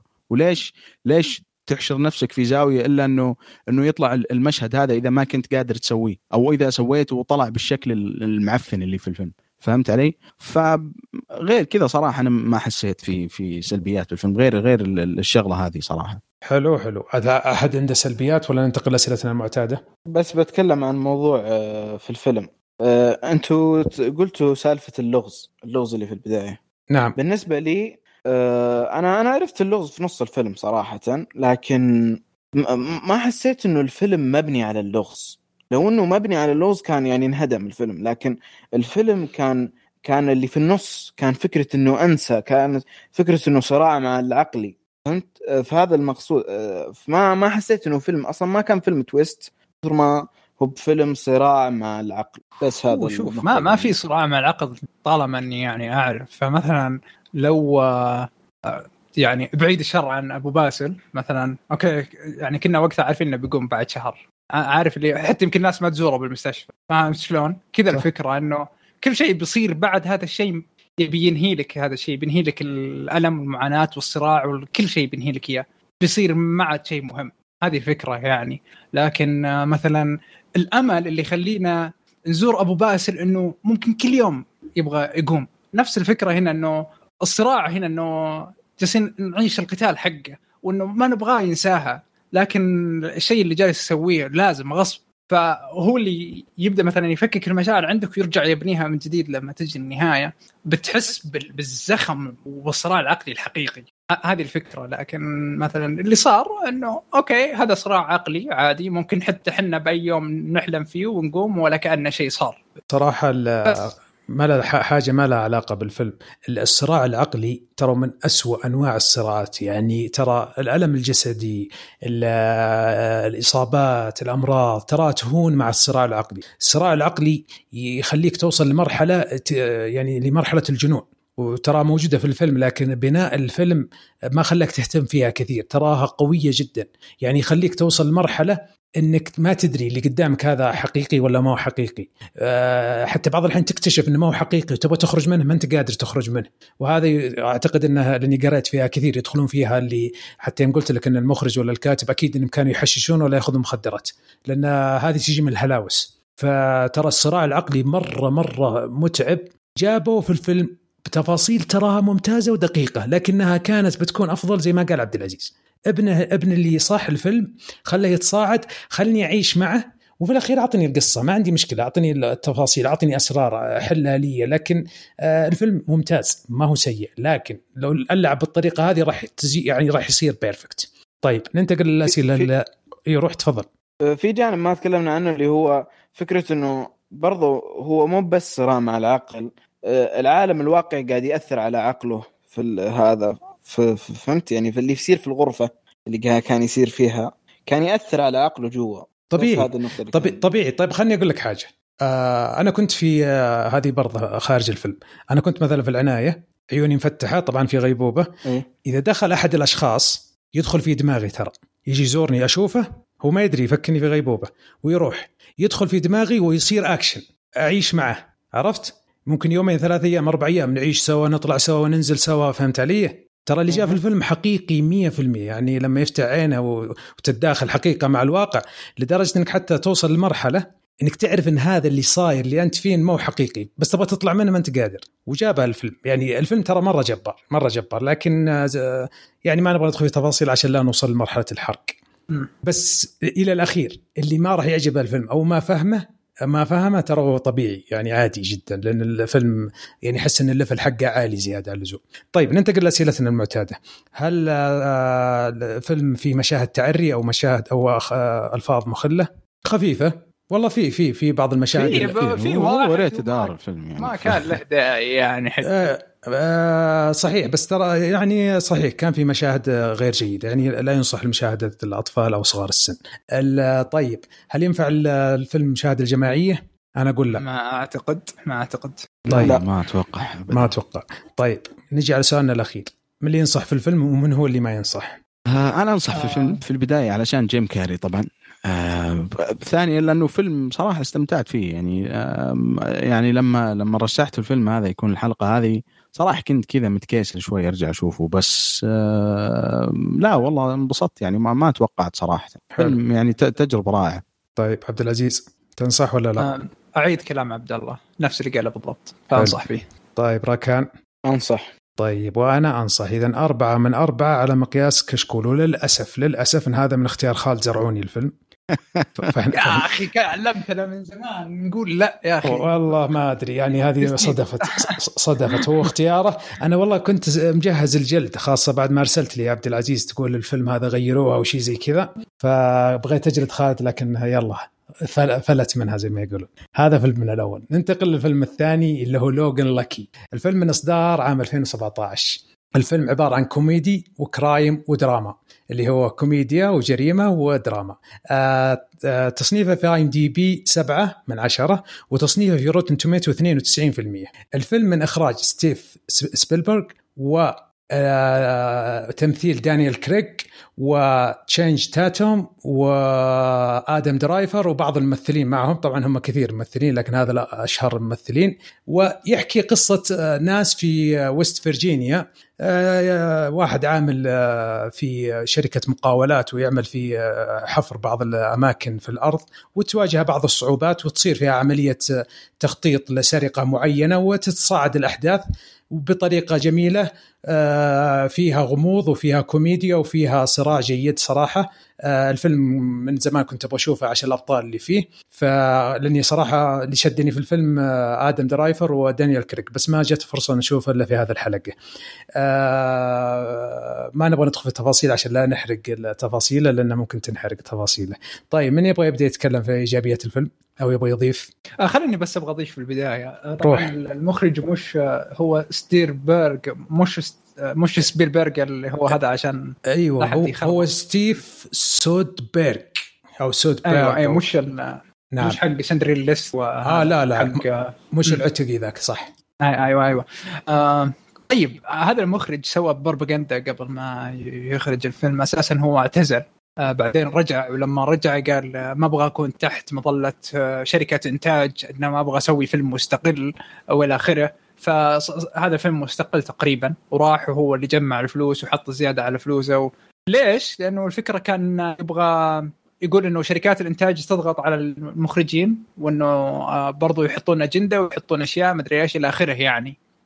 فلما شفت هذا الفيلم وهذه أحد الاسباب اللي انظلم فيها الفيلم لأنه ما تسوق بشكل كويس صحيح هذا غريب ف... إيه فلما شفت الفيلم لاحظت إنه مستخدم جميع أساليب التسويق يعني وجميع أساليب الرخيصة. حتى لاحظت إنه في شركات اللي اللي, اللي مولت الفيلم ضغطت عليه ضغط أكثر من شركات الإنتاج العادية. شفت حركة رجل، شفت حركه. لا لا لحظة لحظة شفت حركه مستحيل. لا لا شفت حركة شفت حركات طاش ما طاش لما يحطوا لك البايسون على الطاولة وهم يصلحون المشهد. عشان والله. نفس الطريقة. صراحة ما قصروا يعني. بالعكس طاش مطاش أكثر احترافية. هذا جايب شخصية كاملة. رئيس شركة فورد يا رجل ال- dealer ال- ال- فورد. الف- الفيلم الفيلم نصه والله العظيم تحس إنك تتفرج على معرض شركة فورد. صراحة. كذا للسيارات من البيك أب للموستنج للمدري وشو كل السيارات. لا بعدين هذه السيارة نازلة 2018 8 سلندر مدري يقول إنه مواصفات. وش وش السالفة يا شيخ؟ بس بس والله جميل يعني عشان لا أنا أخذ آه. انطباع إنه سيء. روح كمل. لا إحنا بس نتكلم عن الفلسفة اللي هو كان يقولها. برضو استخدم مثلا المواضيع اللي اللي بعض الأحيان شركة إنتاج يستخدمونها آه سواء بالنسبة استخدام فتيات جذابات بأفضل الملابس ممكنة ويطلعهم بأكثر من شكل اللي ما له داعي بس عشان يجيب أكثر أكثر فلوس. آه حتى مثلا تلقى آه، الفيلم أساسا آه، PG 13 مع إنه كان يحتاج شوية rated R القصة كانت تتسلك كثير ما ينفع كلام مدري وش. فهو خضع لجميع الأشياء اللي تخضع لها شركات الإنتاج بس سوى بروباغندا على الفاضي صراحة. طيب. هذه أحد الأشياء واللي انظلم الفيلم صراحة بسببها يعني. كان المفروض الفيلم يكون أكثر انتشار. هي مشكلة هوليوود آه، وأمريكا بس. إذا في أجندة أو ناس ما يحبونه حتى واجهت راسل كرو كممثل يأذونه مع الفيلم هذا مرة ممتاز. طيب ما انك بدات يا عبد العزيز أعطني إيجابيات الفيلم. آه، صراحة الفيلم من وين تبدأ؟ الفيلم ممتاز جدا حقيقة يعني بالرغم من ال- الكلام اللي قلناه إلا إنه من الأفلام عارف اللي اللي تجي كذا فترة الصيف اللي تصير تجارية وتبيع كويس بالسينما و- والمشاهدة الجماعية فأتذكر إني شفته وقتها مع الشباب واللي كان مرة رهيب واستهبلنا عليه سواء الفيلم من كوميديا مرة ممتاز كوميديا. الفيلم حتى من الرسالة اللي يوصلها حلوة يعني مش بطالة. آه الفكرة العامة فكرة السرقة الأشياء هذه كلها مرة حلوة. فالفيلم ممتع ممتع جدا. هذا غير الكوميديا. الكوميديا فيه مرة رهيب آدم درايفر أعطانا لون رهيب. رهيب ممتاز جدا وراح أفصل شوية بعد درايفر لما بس آه، ننتهي من مرحلة ايجابيات راح أقول لكم هو ليش كان كوميديا رهيب. آه، هاي تقريبا أهم الأشياء اللي اللي اللي لاحظتها بالفيلم. بالنسبة للفيلم أو المخرج صراحة حسيته يقلد أفلامه السابقة ما أدري بس بنتكلم عنها بسلبيات يعني. فكملوا مع ايجابيات. حلو طيب أعطنا يا راكان القرني أعطنا الإيجابيات حقت الفيلم. آه، الفيلم هذا هو صحيح إنه زي أي فيلم سرقات كوميدي عادي بس اللي يفرق آه، في هذا الفيلم هو المكان الغير معتاد يعني آه، جنوب أمريكا. وهذا اللي أعطى طابع مختلف شوي عن باقي الأفلام الشبيهة له. آه، أنا أشوف إنه الفريق التمثيلي كان جدا جميل ورائع وكان اختيارهم موفق من قبل المخرج يعني هذه من الأشياء القليلة اللي يوفق فيها المخرج صراحة. آه، الأداء التمثيلي جميل من ناحية إتقان اللهجة والأداء الجنوب أمريكي اللي ما نشوفه في الأفلام كثير زي ما قلت قبل كذا. صحيح إنه شخصيات الفيلم عادية وما في شيء يميزها إلا إنه شخصية دانيال كريج عجبتني. هذا لأنه أتوقع إنه أغلب الكوميديا عنده تقريبا.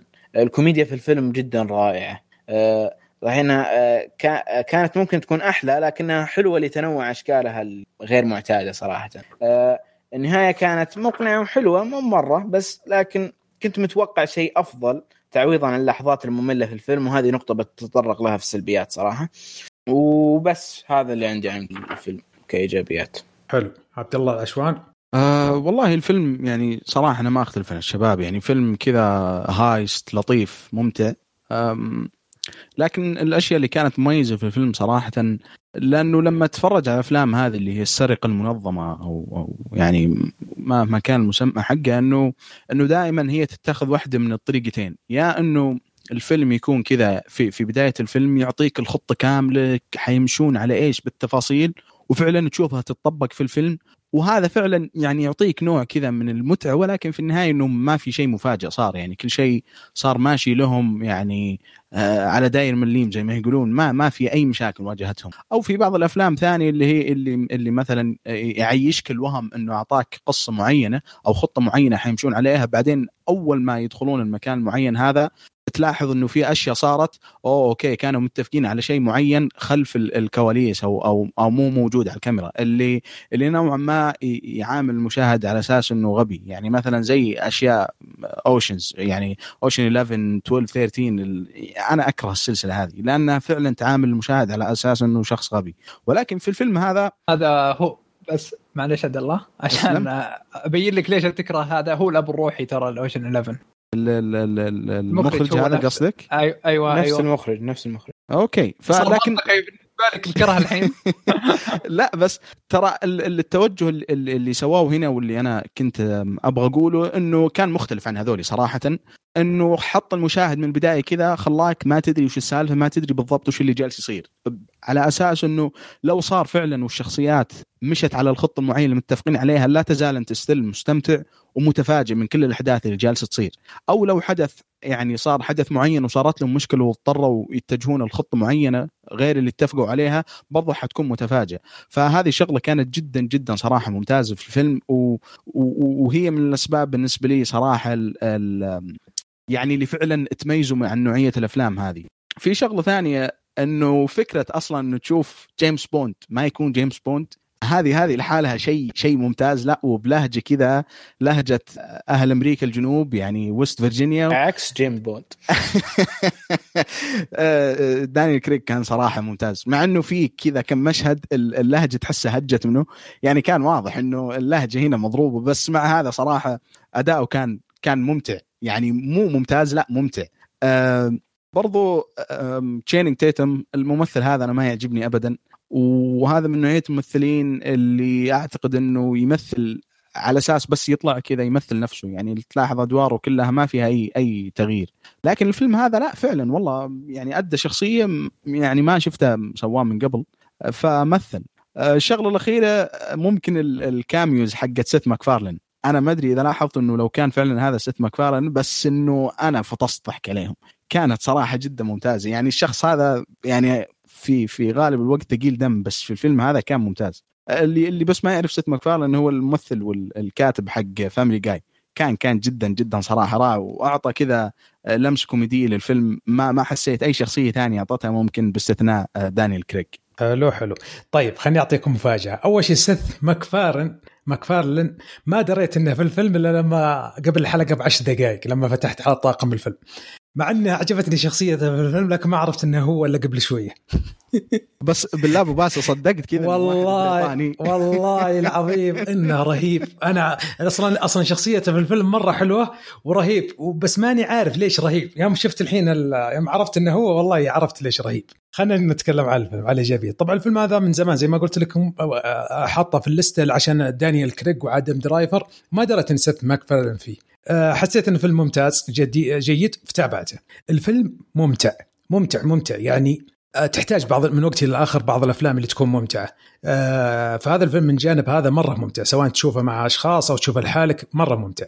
فيه كوميديا حلوة في أداء تمثيلي ممتاز. في الفيلم آه، في واقعية مقبولة. يعني صح إنها في عملية سرقة وفي عملية أشياء لكنها واقعية. آه، أداء ممثلين واقعي. يعني ما في superheroes ولا زي ما قال عبد الله اللي هو Ocean 11 أو 12 يعني تحس الناس إنهم عباقرة. ذول ناس بسيطين وكيف تمشي معهم الحياة وكيف تجي عملية السرقه حتى الأحداث اللي تصير من دون حرق آه، تحس إنها ممتازة وتقول هذا الواقع إنه يعني إنه جابوها بطريقة معالجة مرة ممتازة. آه المشاعر في الفيلم كانت مرة ممتازة. آه التفاصيل التفاصيل في الفيلم مرة ممتازة. يعني يشرح لك وبناء الأحداث الشخص هذا ما يتعامل مع التكنولوجيا. الشخص هذا آه إذا إذا قفلت معه قفلت اللي هو آدم درايفر آه آه دانيال كريج دوره مرة ممتاز. يعني حتى حركاته وتعابيره وكذا تحس إنه صدق من وست فيرجينيا. آه، الفيلم هذا صراحة كان مفاجاه لي استمتعت فيه. آه، تفاصيله حلوة. خفيف جدا. آه، ما هو ثقيل.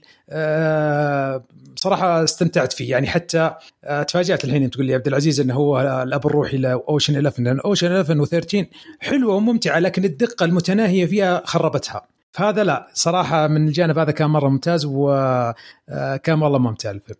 هذا بالنسبة للإيجابيات أحد يبغى يضيف ولا ننتقل للسلبيات؟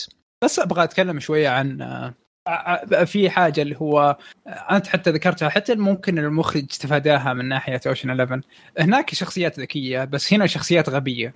وطريقة إنه يعطيهم معلومة معينة ما يجلس يشرح لهم سووا كذا بالتفصيل وما أدري إيش يعاملهم زي الأغبياء. فمثلا لما في حاجة الاخوين فجروا شيء اللي كذا بالتعليمات سو كذا سو كذا بعدين هج. آه أوكي ليش يهجون؟ بعدين يصير ذا الشيء فطريقة اعطاء المعلومات كانت حلوة وأكثر من مرة تصير. اللي اللي تنحط بقالب كوميدي ومناسبة نوعا ما مع الشخصيات. ما تجلس تشرح لهم ترى هذه عشان تنفجر ولا عشان ما فبشكل سريع يعني تصير لك. آه، بس آدم درايفر بتكلم شوية عن آدم درايفر. الممثل ذا آه، أعطى لون كوميدي حتى وهو هو يعني تعابير وجه بس. يعطيه. آه، من غير تعبير وجه أتكلم عن عن body language يعني. ف حاطين جايبين شخص ضخم جدا. لما يتحرك ينزل تحت أو, يت... تحس إنه شوية سميك الرجال أو كذا. فكمية الضحك اللي يضحكها عليه مش طبيعية. فانا أبغى أعرف ليش السبب؟ ليش كذا كوميدي؟ بينما بأفلام ثانية ما يصير كذا كوميدي. لما لاحظت لاحظت إنه في أشياء داخلة داخلة مع ال... مع الشخص أو الشخصية نفسها عشان تصنع منه كوميديا. فلاحظت إنه ال costume design كذا مضخم الرجال بأكبر شكل ممكن. فتلاحظ دائما إنه البنطلون تبعه مرفوع كذا لآخر شيء ودائما يدخل فنيلة.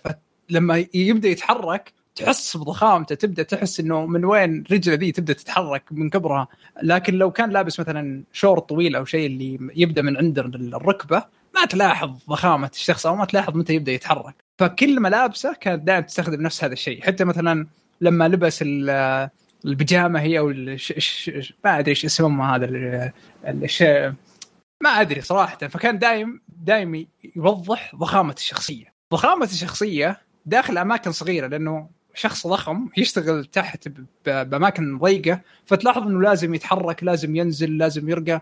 فكل هذه الأشياء بس شوية أدم درايفر يحط عليها كوميديا صنعت منه شخصية مرة تفطس ضحك وأي حركة يتحرك فيها كنت أموت ضحك صراحة. فالكوميديا بعض الأحيان ما تجي بس من ال... من الشخص نفسه إنما لما يركبون عليه أشياء معينة فتصنع منها كوميديا معينة. لكن آدم درايفر مو بهذا الشخص اللي كنا نضحك دايم مثلا على body language حقته ب Marriage Story أو حتى ب Star Wars أو شيء ما ما نضحك عليه نفس كذا.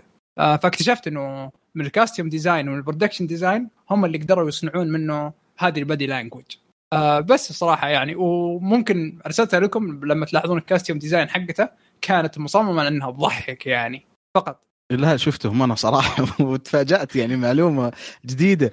لا فعلا تصدق جالس الآن أعيد بعض المشاهد حقت آدم درايفر في بالي وفعلا جالس أشوف كلامك هذا إنه فعلا كذا لما لما يمشي تحس إنه في ضخم كبير ضخم بشكل مرعب بشكل مرعب بس سبيك بنفس الوقت. آه غالبا. كان كان رائع صراحة الفكرة هذه. اللعبة هذه أنا أحب ال- ال- الألعاب اللي تكون يعني على على العقل اللاواعي يعني يحطون أشياء اللي ما, ما تنتبه لها أنت بس تضحك عليها أو مثلا تستغرب منها أو شيء مثل كذا فأنا لما جلست أفكر ليش ليش أضحك آدم درايفر اليوم ما أضحك عليه بي, بي فيلم ثاني ليش هو ضخم كذا ليش طيب هو لما يتحرك يضحك فعرفت ليش السبب صراحة نقطة ممتازة دي. آه طيب آه من اللي يبغى يكمل الإيجابيات؟ يلا عبد الله شوي أعطنا الإيجابيات. والله ما ما أتوقع في إيجابيات بعد اللي قلناه أنا ممكن مستعد للسلبيات إذا إذا ما ما في أحد يبغى يضيف يضيف أها. سوري إيجابية أحد يبغى يضيف إيجابيات؟ طيب آه طيب يلا روح روح يا عبد الله.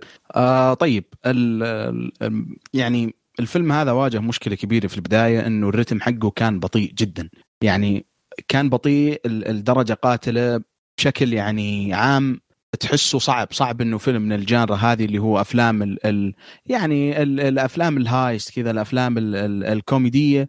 صعب إنه فيلم يكون كذا ياخذ تقريبا كم نص ساعة ربع آه، نص ساعة 40 دقيقة جالس يشرح لك الشخصيات و و و ويعطيك ال الأسباب حقتهم إنهم إنهم يسوون شيء زي السرقة اللي, اللي جالسين نتكلم عنها في الفيلم.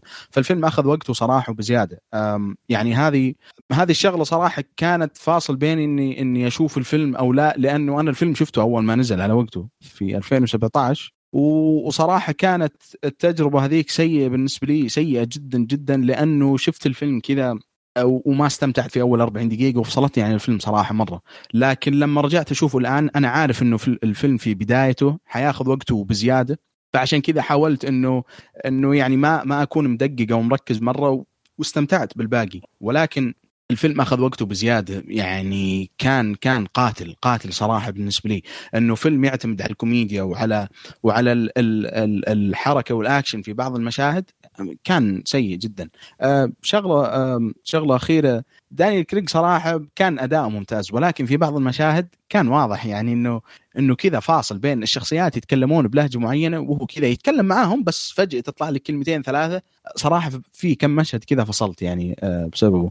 آه، ثاني شغ... أو ثالث شغلة والأخيرة إنه زي ما ذكرته سابقا الشخصيات هذه المفروض إنهم ناس أغبياء أو يعني وهذا اللي يشرحه لنا الفيلم يعني بس إنه تشوف فعلا كل خططهم أو أصلا إحنا حتى ما ندري هل هذه خططهم أو إنه فعلا جالسة تمشي معاهم ولكن جالسة تمشي معاهم زي الحلاوة. يعني ما في أي مشكلة تواجههم ما في شيء إلا بالضبط يكونون أصلا مخططين عنه من قبل بس أنت ما تعرف. أو مثلا ممكن شخصية واحدة اللي مخطط عنه. فهذه الشغلة صراحة ما ضايقتني وأنا أتفرج على الفيلم لأنه كنت جدا جدا مستمتع. ولكن بعد ما شفت الفيلم جالس أستوعب إنه okay طيب في في الشخصيات هذول المفروض إنهم أغبياء فكيف مشت معاهم هنا وهنا وهنا وهنا وهنا؟ لا لا شوف اسمعني تفضل. اذا اذا آه، إذا بنتكلم عن لوجنز اللوجنز ترى مو اغبياء اللوجنز غالبا يعني جيدين عقليا. هذا شيء وضحوه مثلا بالبداية لما تهاوشوا مع شخصية سيث مكفارلن ال- الحيلة اللي طلعوا فيها. فهم غالبا مش اغبياء بس اللي ما ودهم يشغلون مخهم بالعادة. وحتى مثلا بهذاك المشهد وضحوا إنهم كيف هم أذكياء وكيف هم متجانسين آه، وكيف إن كل واحد لما ياخذ أكشن على الثاني الثاني راضي عنه تماما. لأنه في تناغم بينهم. هذا هذه الفكرة من ذاك المشهد يعني. okay أنا أنا فاهم. إنه يضحك. بس, بس أتفق معك ترى من ناحية السلكات والأشياء هذه. بالضبط. كلها أتفق فاهم 100% الشخصيات هذول يعني. يعني حتى في بعض الحوارات يعني تسمعهم لما يعني يتكلمون عن ماضيهم. لا فعلا يعني ناس كان عندهم potential واحد منهم أصلا كان المفروض يكون مليونير ومدري إيش.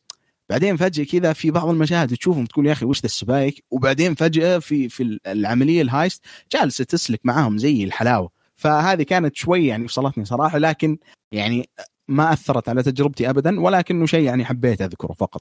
هو شوف أنا بتكلم أنا عن من وجهة نظري من السلبيات. آه، أنا صراحة ما شفت فيه سلبيات لأني عرفت ال- من بداية الفيلم إيش هو الفيلم. فزي ما تقول آه، خليت في بالي إني أستمتع أكثر من التدقيق. اللي يبغى فيلم دقيق وقصة قوية وإخراج قوي مع الإخراج مرة ممتاز حتى إخراج التصوير إخراج المشاهد الأكشن طريقة الكوميديا زوايا التصوير الملابس ال costume design اللي آه، يتكلم عليها عبد العزيز شغل ممتاز مرة. فبس إني زي ما تقول شفت الأفلام الأكشن لما تخلي عقلك برا السينما تروح تشوفه الفيلم هذا حاولت إني أستمتع أكثر من إني أدقق في التفاصيل. فعشان كذا أنا ما شفت فيه سلبيات. لكن إذا دققت الفيلم ما هو ثقيل مرة. يعني إذا تبغى قصة متعمقة تبغى تفاصيل كثيرة تبغى أشياء منطقية في أشياء كثيرة لازم تسلكها عشان الفيلم عشان تستمتع فيه. أما إذا دقرت لا راح يكون في سلبيات كثير. طيب من اللي يبغى يتكلم إذا حد عنده باقي عنده سلبيات؟ أنا باقي ما تكلمت عن السلبيات. طيب روح. آه، مدة الفيلم كانت أطول من اللازم بكثير يعني كانت ساعتين تقريبا. نعم ساعتين. وهذا بدوره آه، ها؟ نعم ساعتين هو. إي ساعتين. حسيت إنه أثقل من اللازم يعني. آه هذا بدوره خلوا فيه لحظات كثير مملة في الفيلم خصوصا النص الأول. كان يعني مللني في لحظات كثيرة في النص الأول. آه برضو الفيلم يعني آه ما في شيء يميزه. حسيت إنه مكرر وقد شفته أكثر من مرة. آه سالفة النهاية آه إنه كل شيء يسلك معهم آه، كانت آه، ما هي ملائمة على شخصيتهم نفسهم. آه، وبس هذه السلبيات اللي عندي. هو ترى النمط العام في أمريكا الجنوبية الهدوء يعني لو جابه بنفس طريقة السرعة اللي في Ocean 11 أو Ocean 13 الفيلم يمكن ما يوصل ساعة ترى. لكن في البداية حتتكلم عليها عبد الله عشوان في البداية كان فيها بناء بطيء. هو عشان يعلمك الثيم العام حقهم والهدوء حقهم والبرود حقهم اللي حتى استفادوا منه في خطتهم. أن آه، تمشي الأمور لأن الوضع العام هدوء يعني ما عندهم ما هو زي المدن المكتظة والمدن اللي آه، اللي فيها زي ما تقول حركة صاخبة. هادين هم والشعب هادي والمدينة هادية ف آه، يعني الثيم العام مقبول نوعا ما. فنوعا ما تحس ببعض الملل لكن بناءها كبناء شخصيات ممتازة أنا بالنسبة لي. أتفق أه؟ إنه بناء الشخصيات كان كويس لكنه طول فيه زيادة عن اللزوم. أنا أتفق بس كان صراحة يعني وصلك تحس إنه الملل واللي ما ألومهم بحكم المكان طبيعة المكان والزمان اللي هم اختاروها يعني اللي هي هذه المنطقة.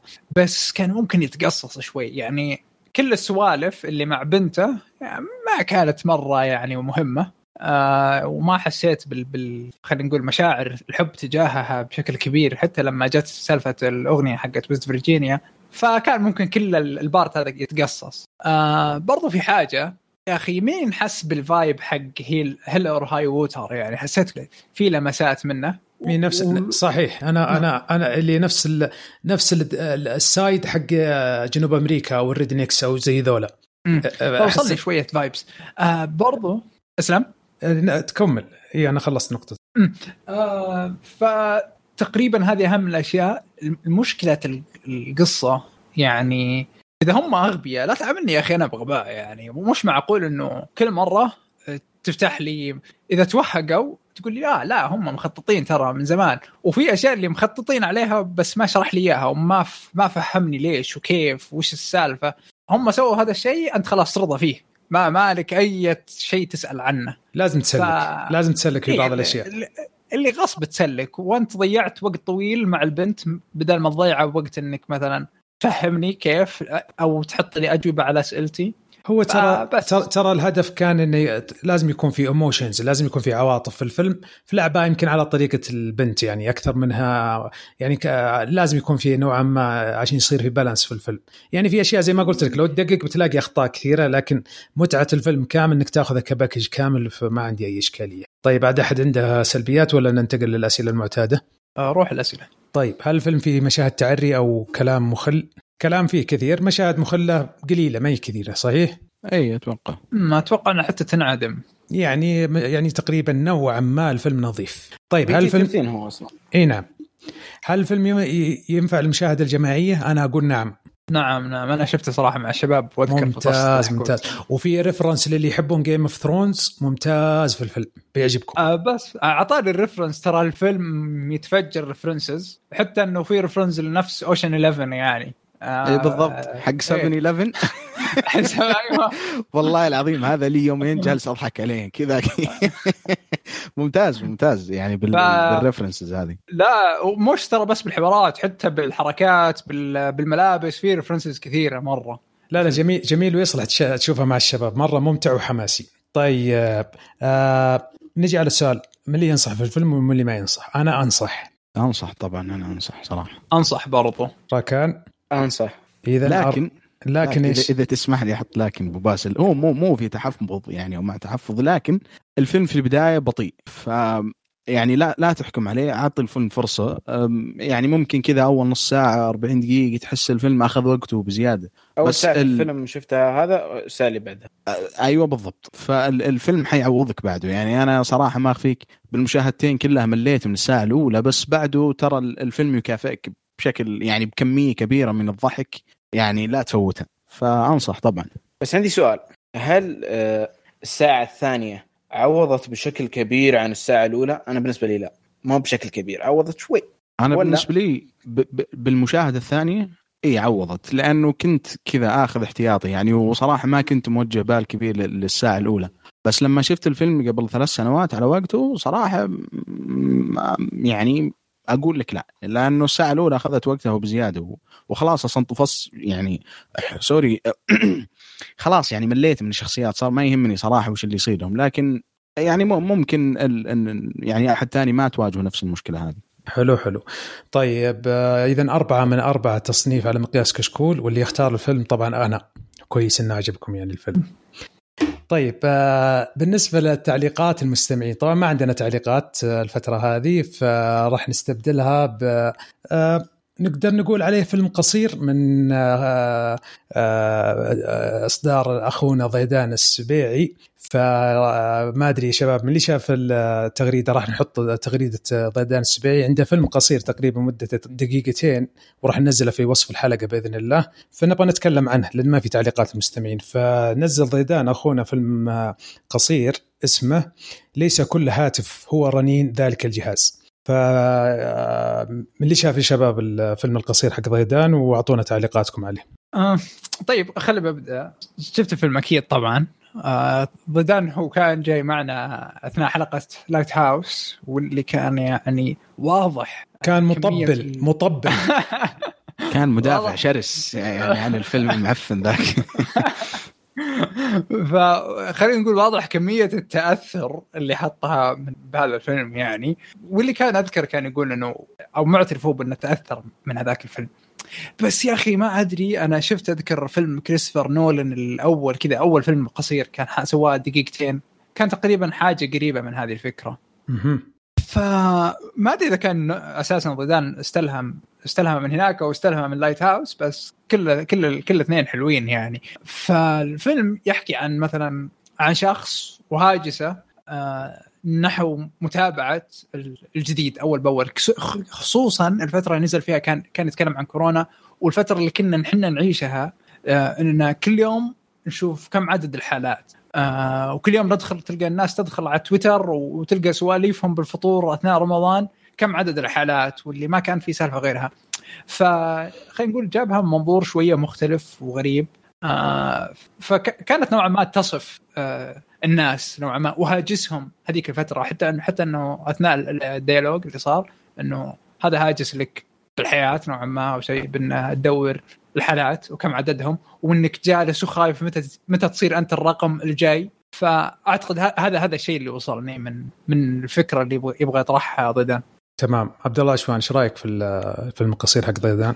آه والله الفيلم اللي يعجبني فيه بساطة الفيلم. آه لأنه صراحة أنا أنا ماني ماني محب مرة للاشياء اللي فيها تعقيد و وزي ما ذكرت يمكن أنت عبد العزيز ذكرت الموضوع ال- الفيلم الأول لكريستوفر نولان آم، ابو أبو زنوبة. أيوه بالضبط اللي كان مع الحشرة مع ما ادري إيش اللي الفيلم كان مرة ملحوس يعني آه فعلا تحس يعني كذا في في في من الفيلم هذاك هنا بس إنه الفرق اللي حسيته صراحة يعني مع غرابة ال- العملين إنه ال- الفيلم القصير هذا إنه يعني جماله في بساطة الفيلم آه، بحيث إنه كان مرتبط بالحياة اللي عشناها. ما أدري يتذكرون أول كم أسبوع كان من ال- الحجر اللي صار. كان يعني كان ال- الوضع بالنسبة للناس كذا حالة رعب بحيث إنه حرفيا نفس اللي كان جالس يصير بالفيلم يعني كذا كثير في مع كل مجموعة ناس تلاقي في شخص اللي مهتم بشكل كبير بعدد الحالات و ويعني وكان هذا ال- اللي شاغل باله بحيث إنه الفيلم كان مرتبط بالحياة وكان سهل أي واحد منا عاش الفترة هذيك يضبط فيه. فهذا هذا صراحة اللي اللي يعجبني بالفيلم. ووصل لي حالة الرعب صراحة اللي كنا نعيش هذاك الوقت اللي كل يوم تسمع الرقم والرقم كان جالس يتزايد يعني كان في المئات بعدين صار كذا آلاف بعدين صار أحيانا يوصل حتى أكثر من 2000 3000 4000 وات يعني الرقم فهذه شغلة كانت كانت و- وعجبتني وفي شغلة أخيرة في الفيلم كذا تحسها فعلا هذه هذه اللي, اللي تقول حركات كريستوفر نولان. كانت في اللحسه حقت الفيلم اللي في الأخير. هذه خلوها مفاجأة. اللي يتفرج على الفيلم صراحة يعني غريب شوي. بس آه، يعني مع الأخذ والعطاء مع ضيدان صراحة ما استغرب الحركات عليه هذه. وعجبتني عجبتني جدا. حلو حلو. طيب راكان القرني اعطنا رأيك في الفيلم القصير آه، الفيلم واضح وضوح الشمس إنه متأثر من Lighthouse وحتى فيه لقطات تكون يعني الجوانب مأكولة من الجنبين وفيه آه، في نفس style Lighthouse موجود التصوير كان جميل. عجبني إنه ما حتى الكاميرا لو تلاحظ ما تحركت إلا إلا على ثلاث مناطق لو ركزنا. والفيلم موضوعه هو إنه لا تشيل هم.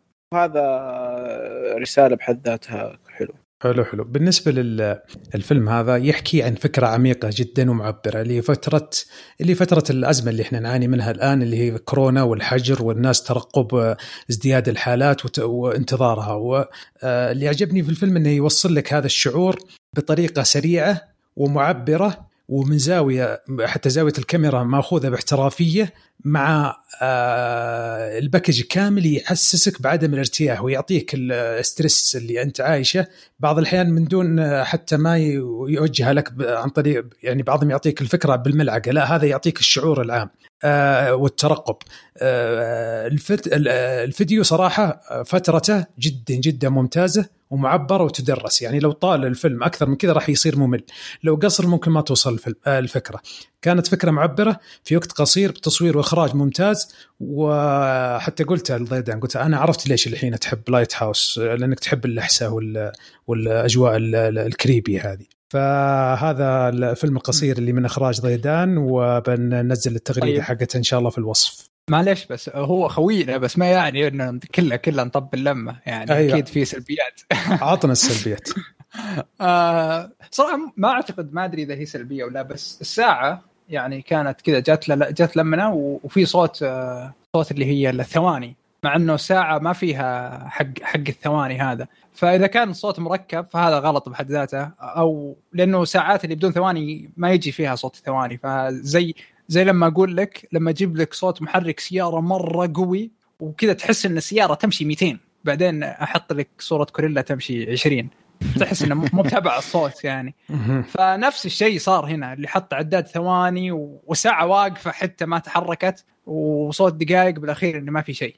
أها صدق صدق ما لا ما لاحظت باين إنك مركز ما شاء الله عليك. آه تقريبا اللي اللي أنا كنت أحتري إيش عداد الثواني يعني يمشي لأنه جاء صوت الثواني قبل الساعة. لما جيت لاحظت إن الساعة واقفة. خير إن شاء الله إيش السالفة؟ ما أدري لو هي مكسورة لو مكسورة بالعكس يعني هذا أسوأ. لا لا بنكلم ضيدان. يمكن يحتاج بط... يحتاج بطاريات ولا شيء يمكن مزنوق ولا شيء آه أيضا الرعد جابر. آه، مسيه بالخير بس إنه ما أعتقد إنه كان خيار موفق. آه لأنه في بعض الكلمات حسيت هو طريقة إلقائه ما حسيتها ناسبت مع الموضوع. آه ففي بعض الكلمات عجزت ألقطها حتى لو إني عدتها مرة مرتين ثلاثة ما عجزت عجزت ألقطها منه. آه حتى والمشكلة إنه زايد عليه ضيدان تشويش فصاير الموضوع شوية متعب. فلو واحد غير رعد بيكون أفضل.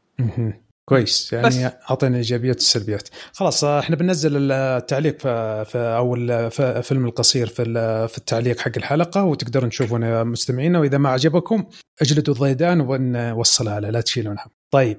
هذه كانت حلقتنا لهذا اليوم. أتمنى تكون استمتعتوا معنا. لا تنسوا تعطونا تعليقاتكم على الموقع وفيسبوك تويتر وأعطونا تقييماتكم لنا على صفحتنا في آيتونز. كما لا تنسوا تتابعونا على يوتيوب عندنا أشياء جميلة هناك. ونشوفكم إن شاء الله الحلقة القادمة على ألف ألف خير.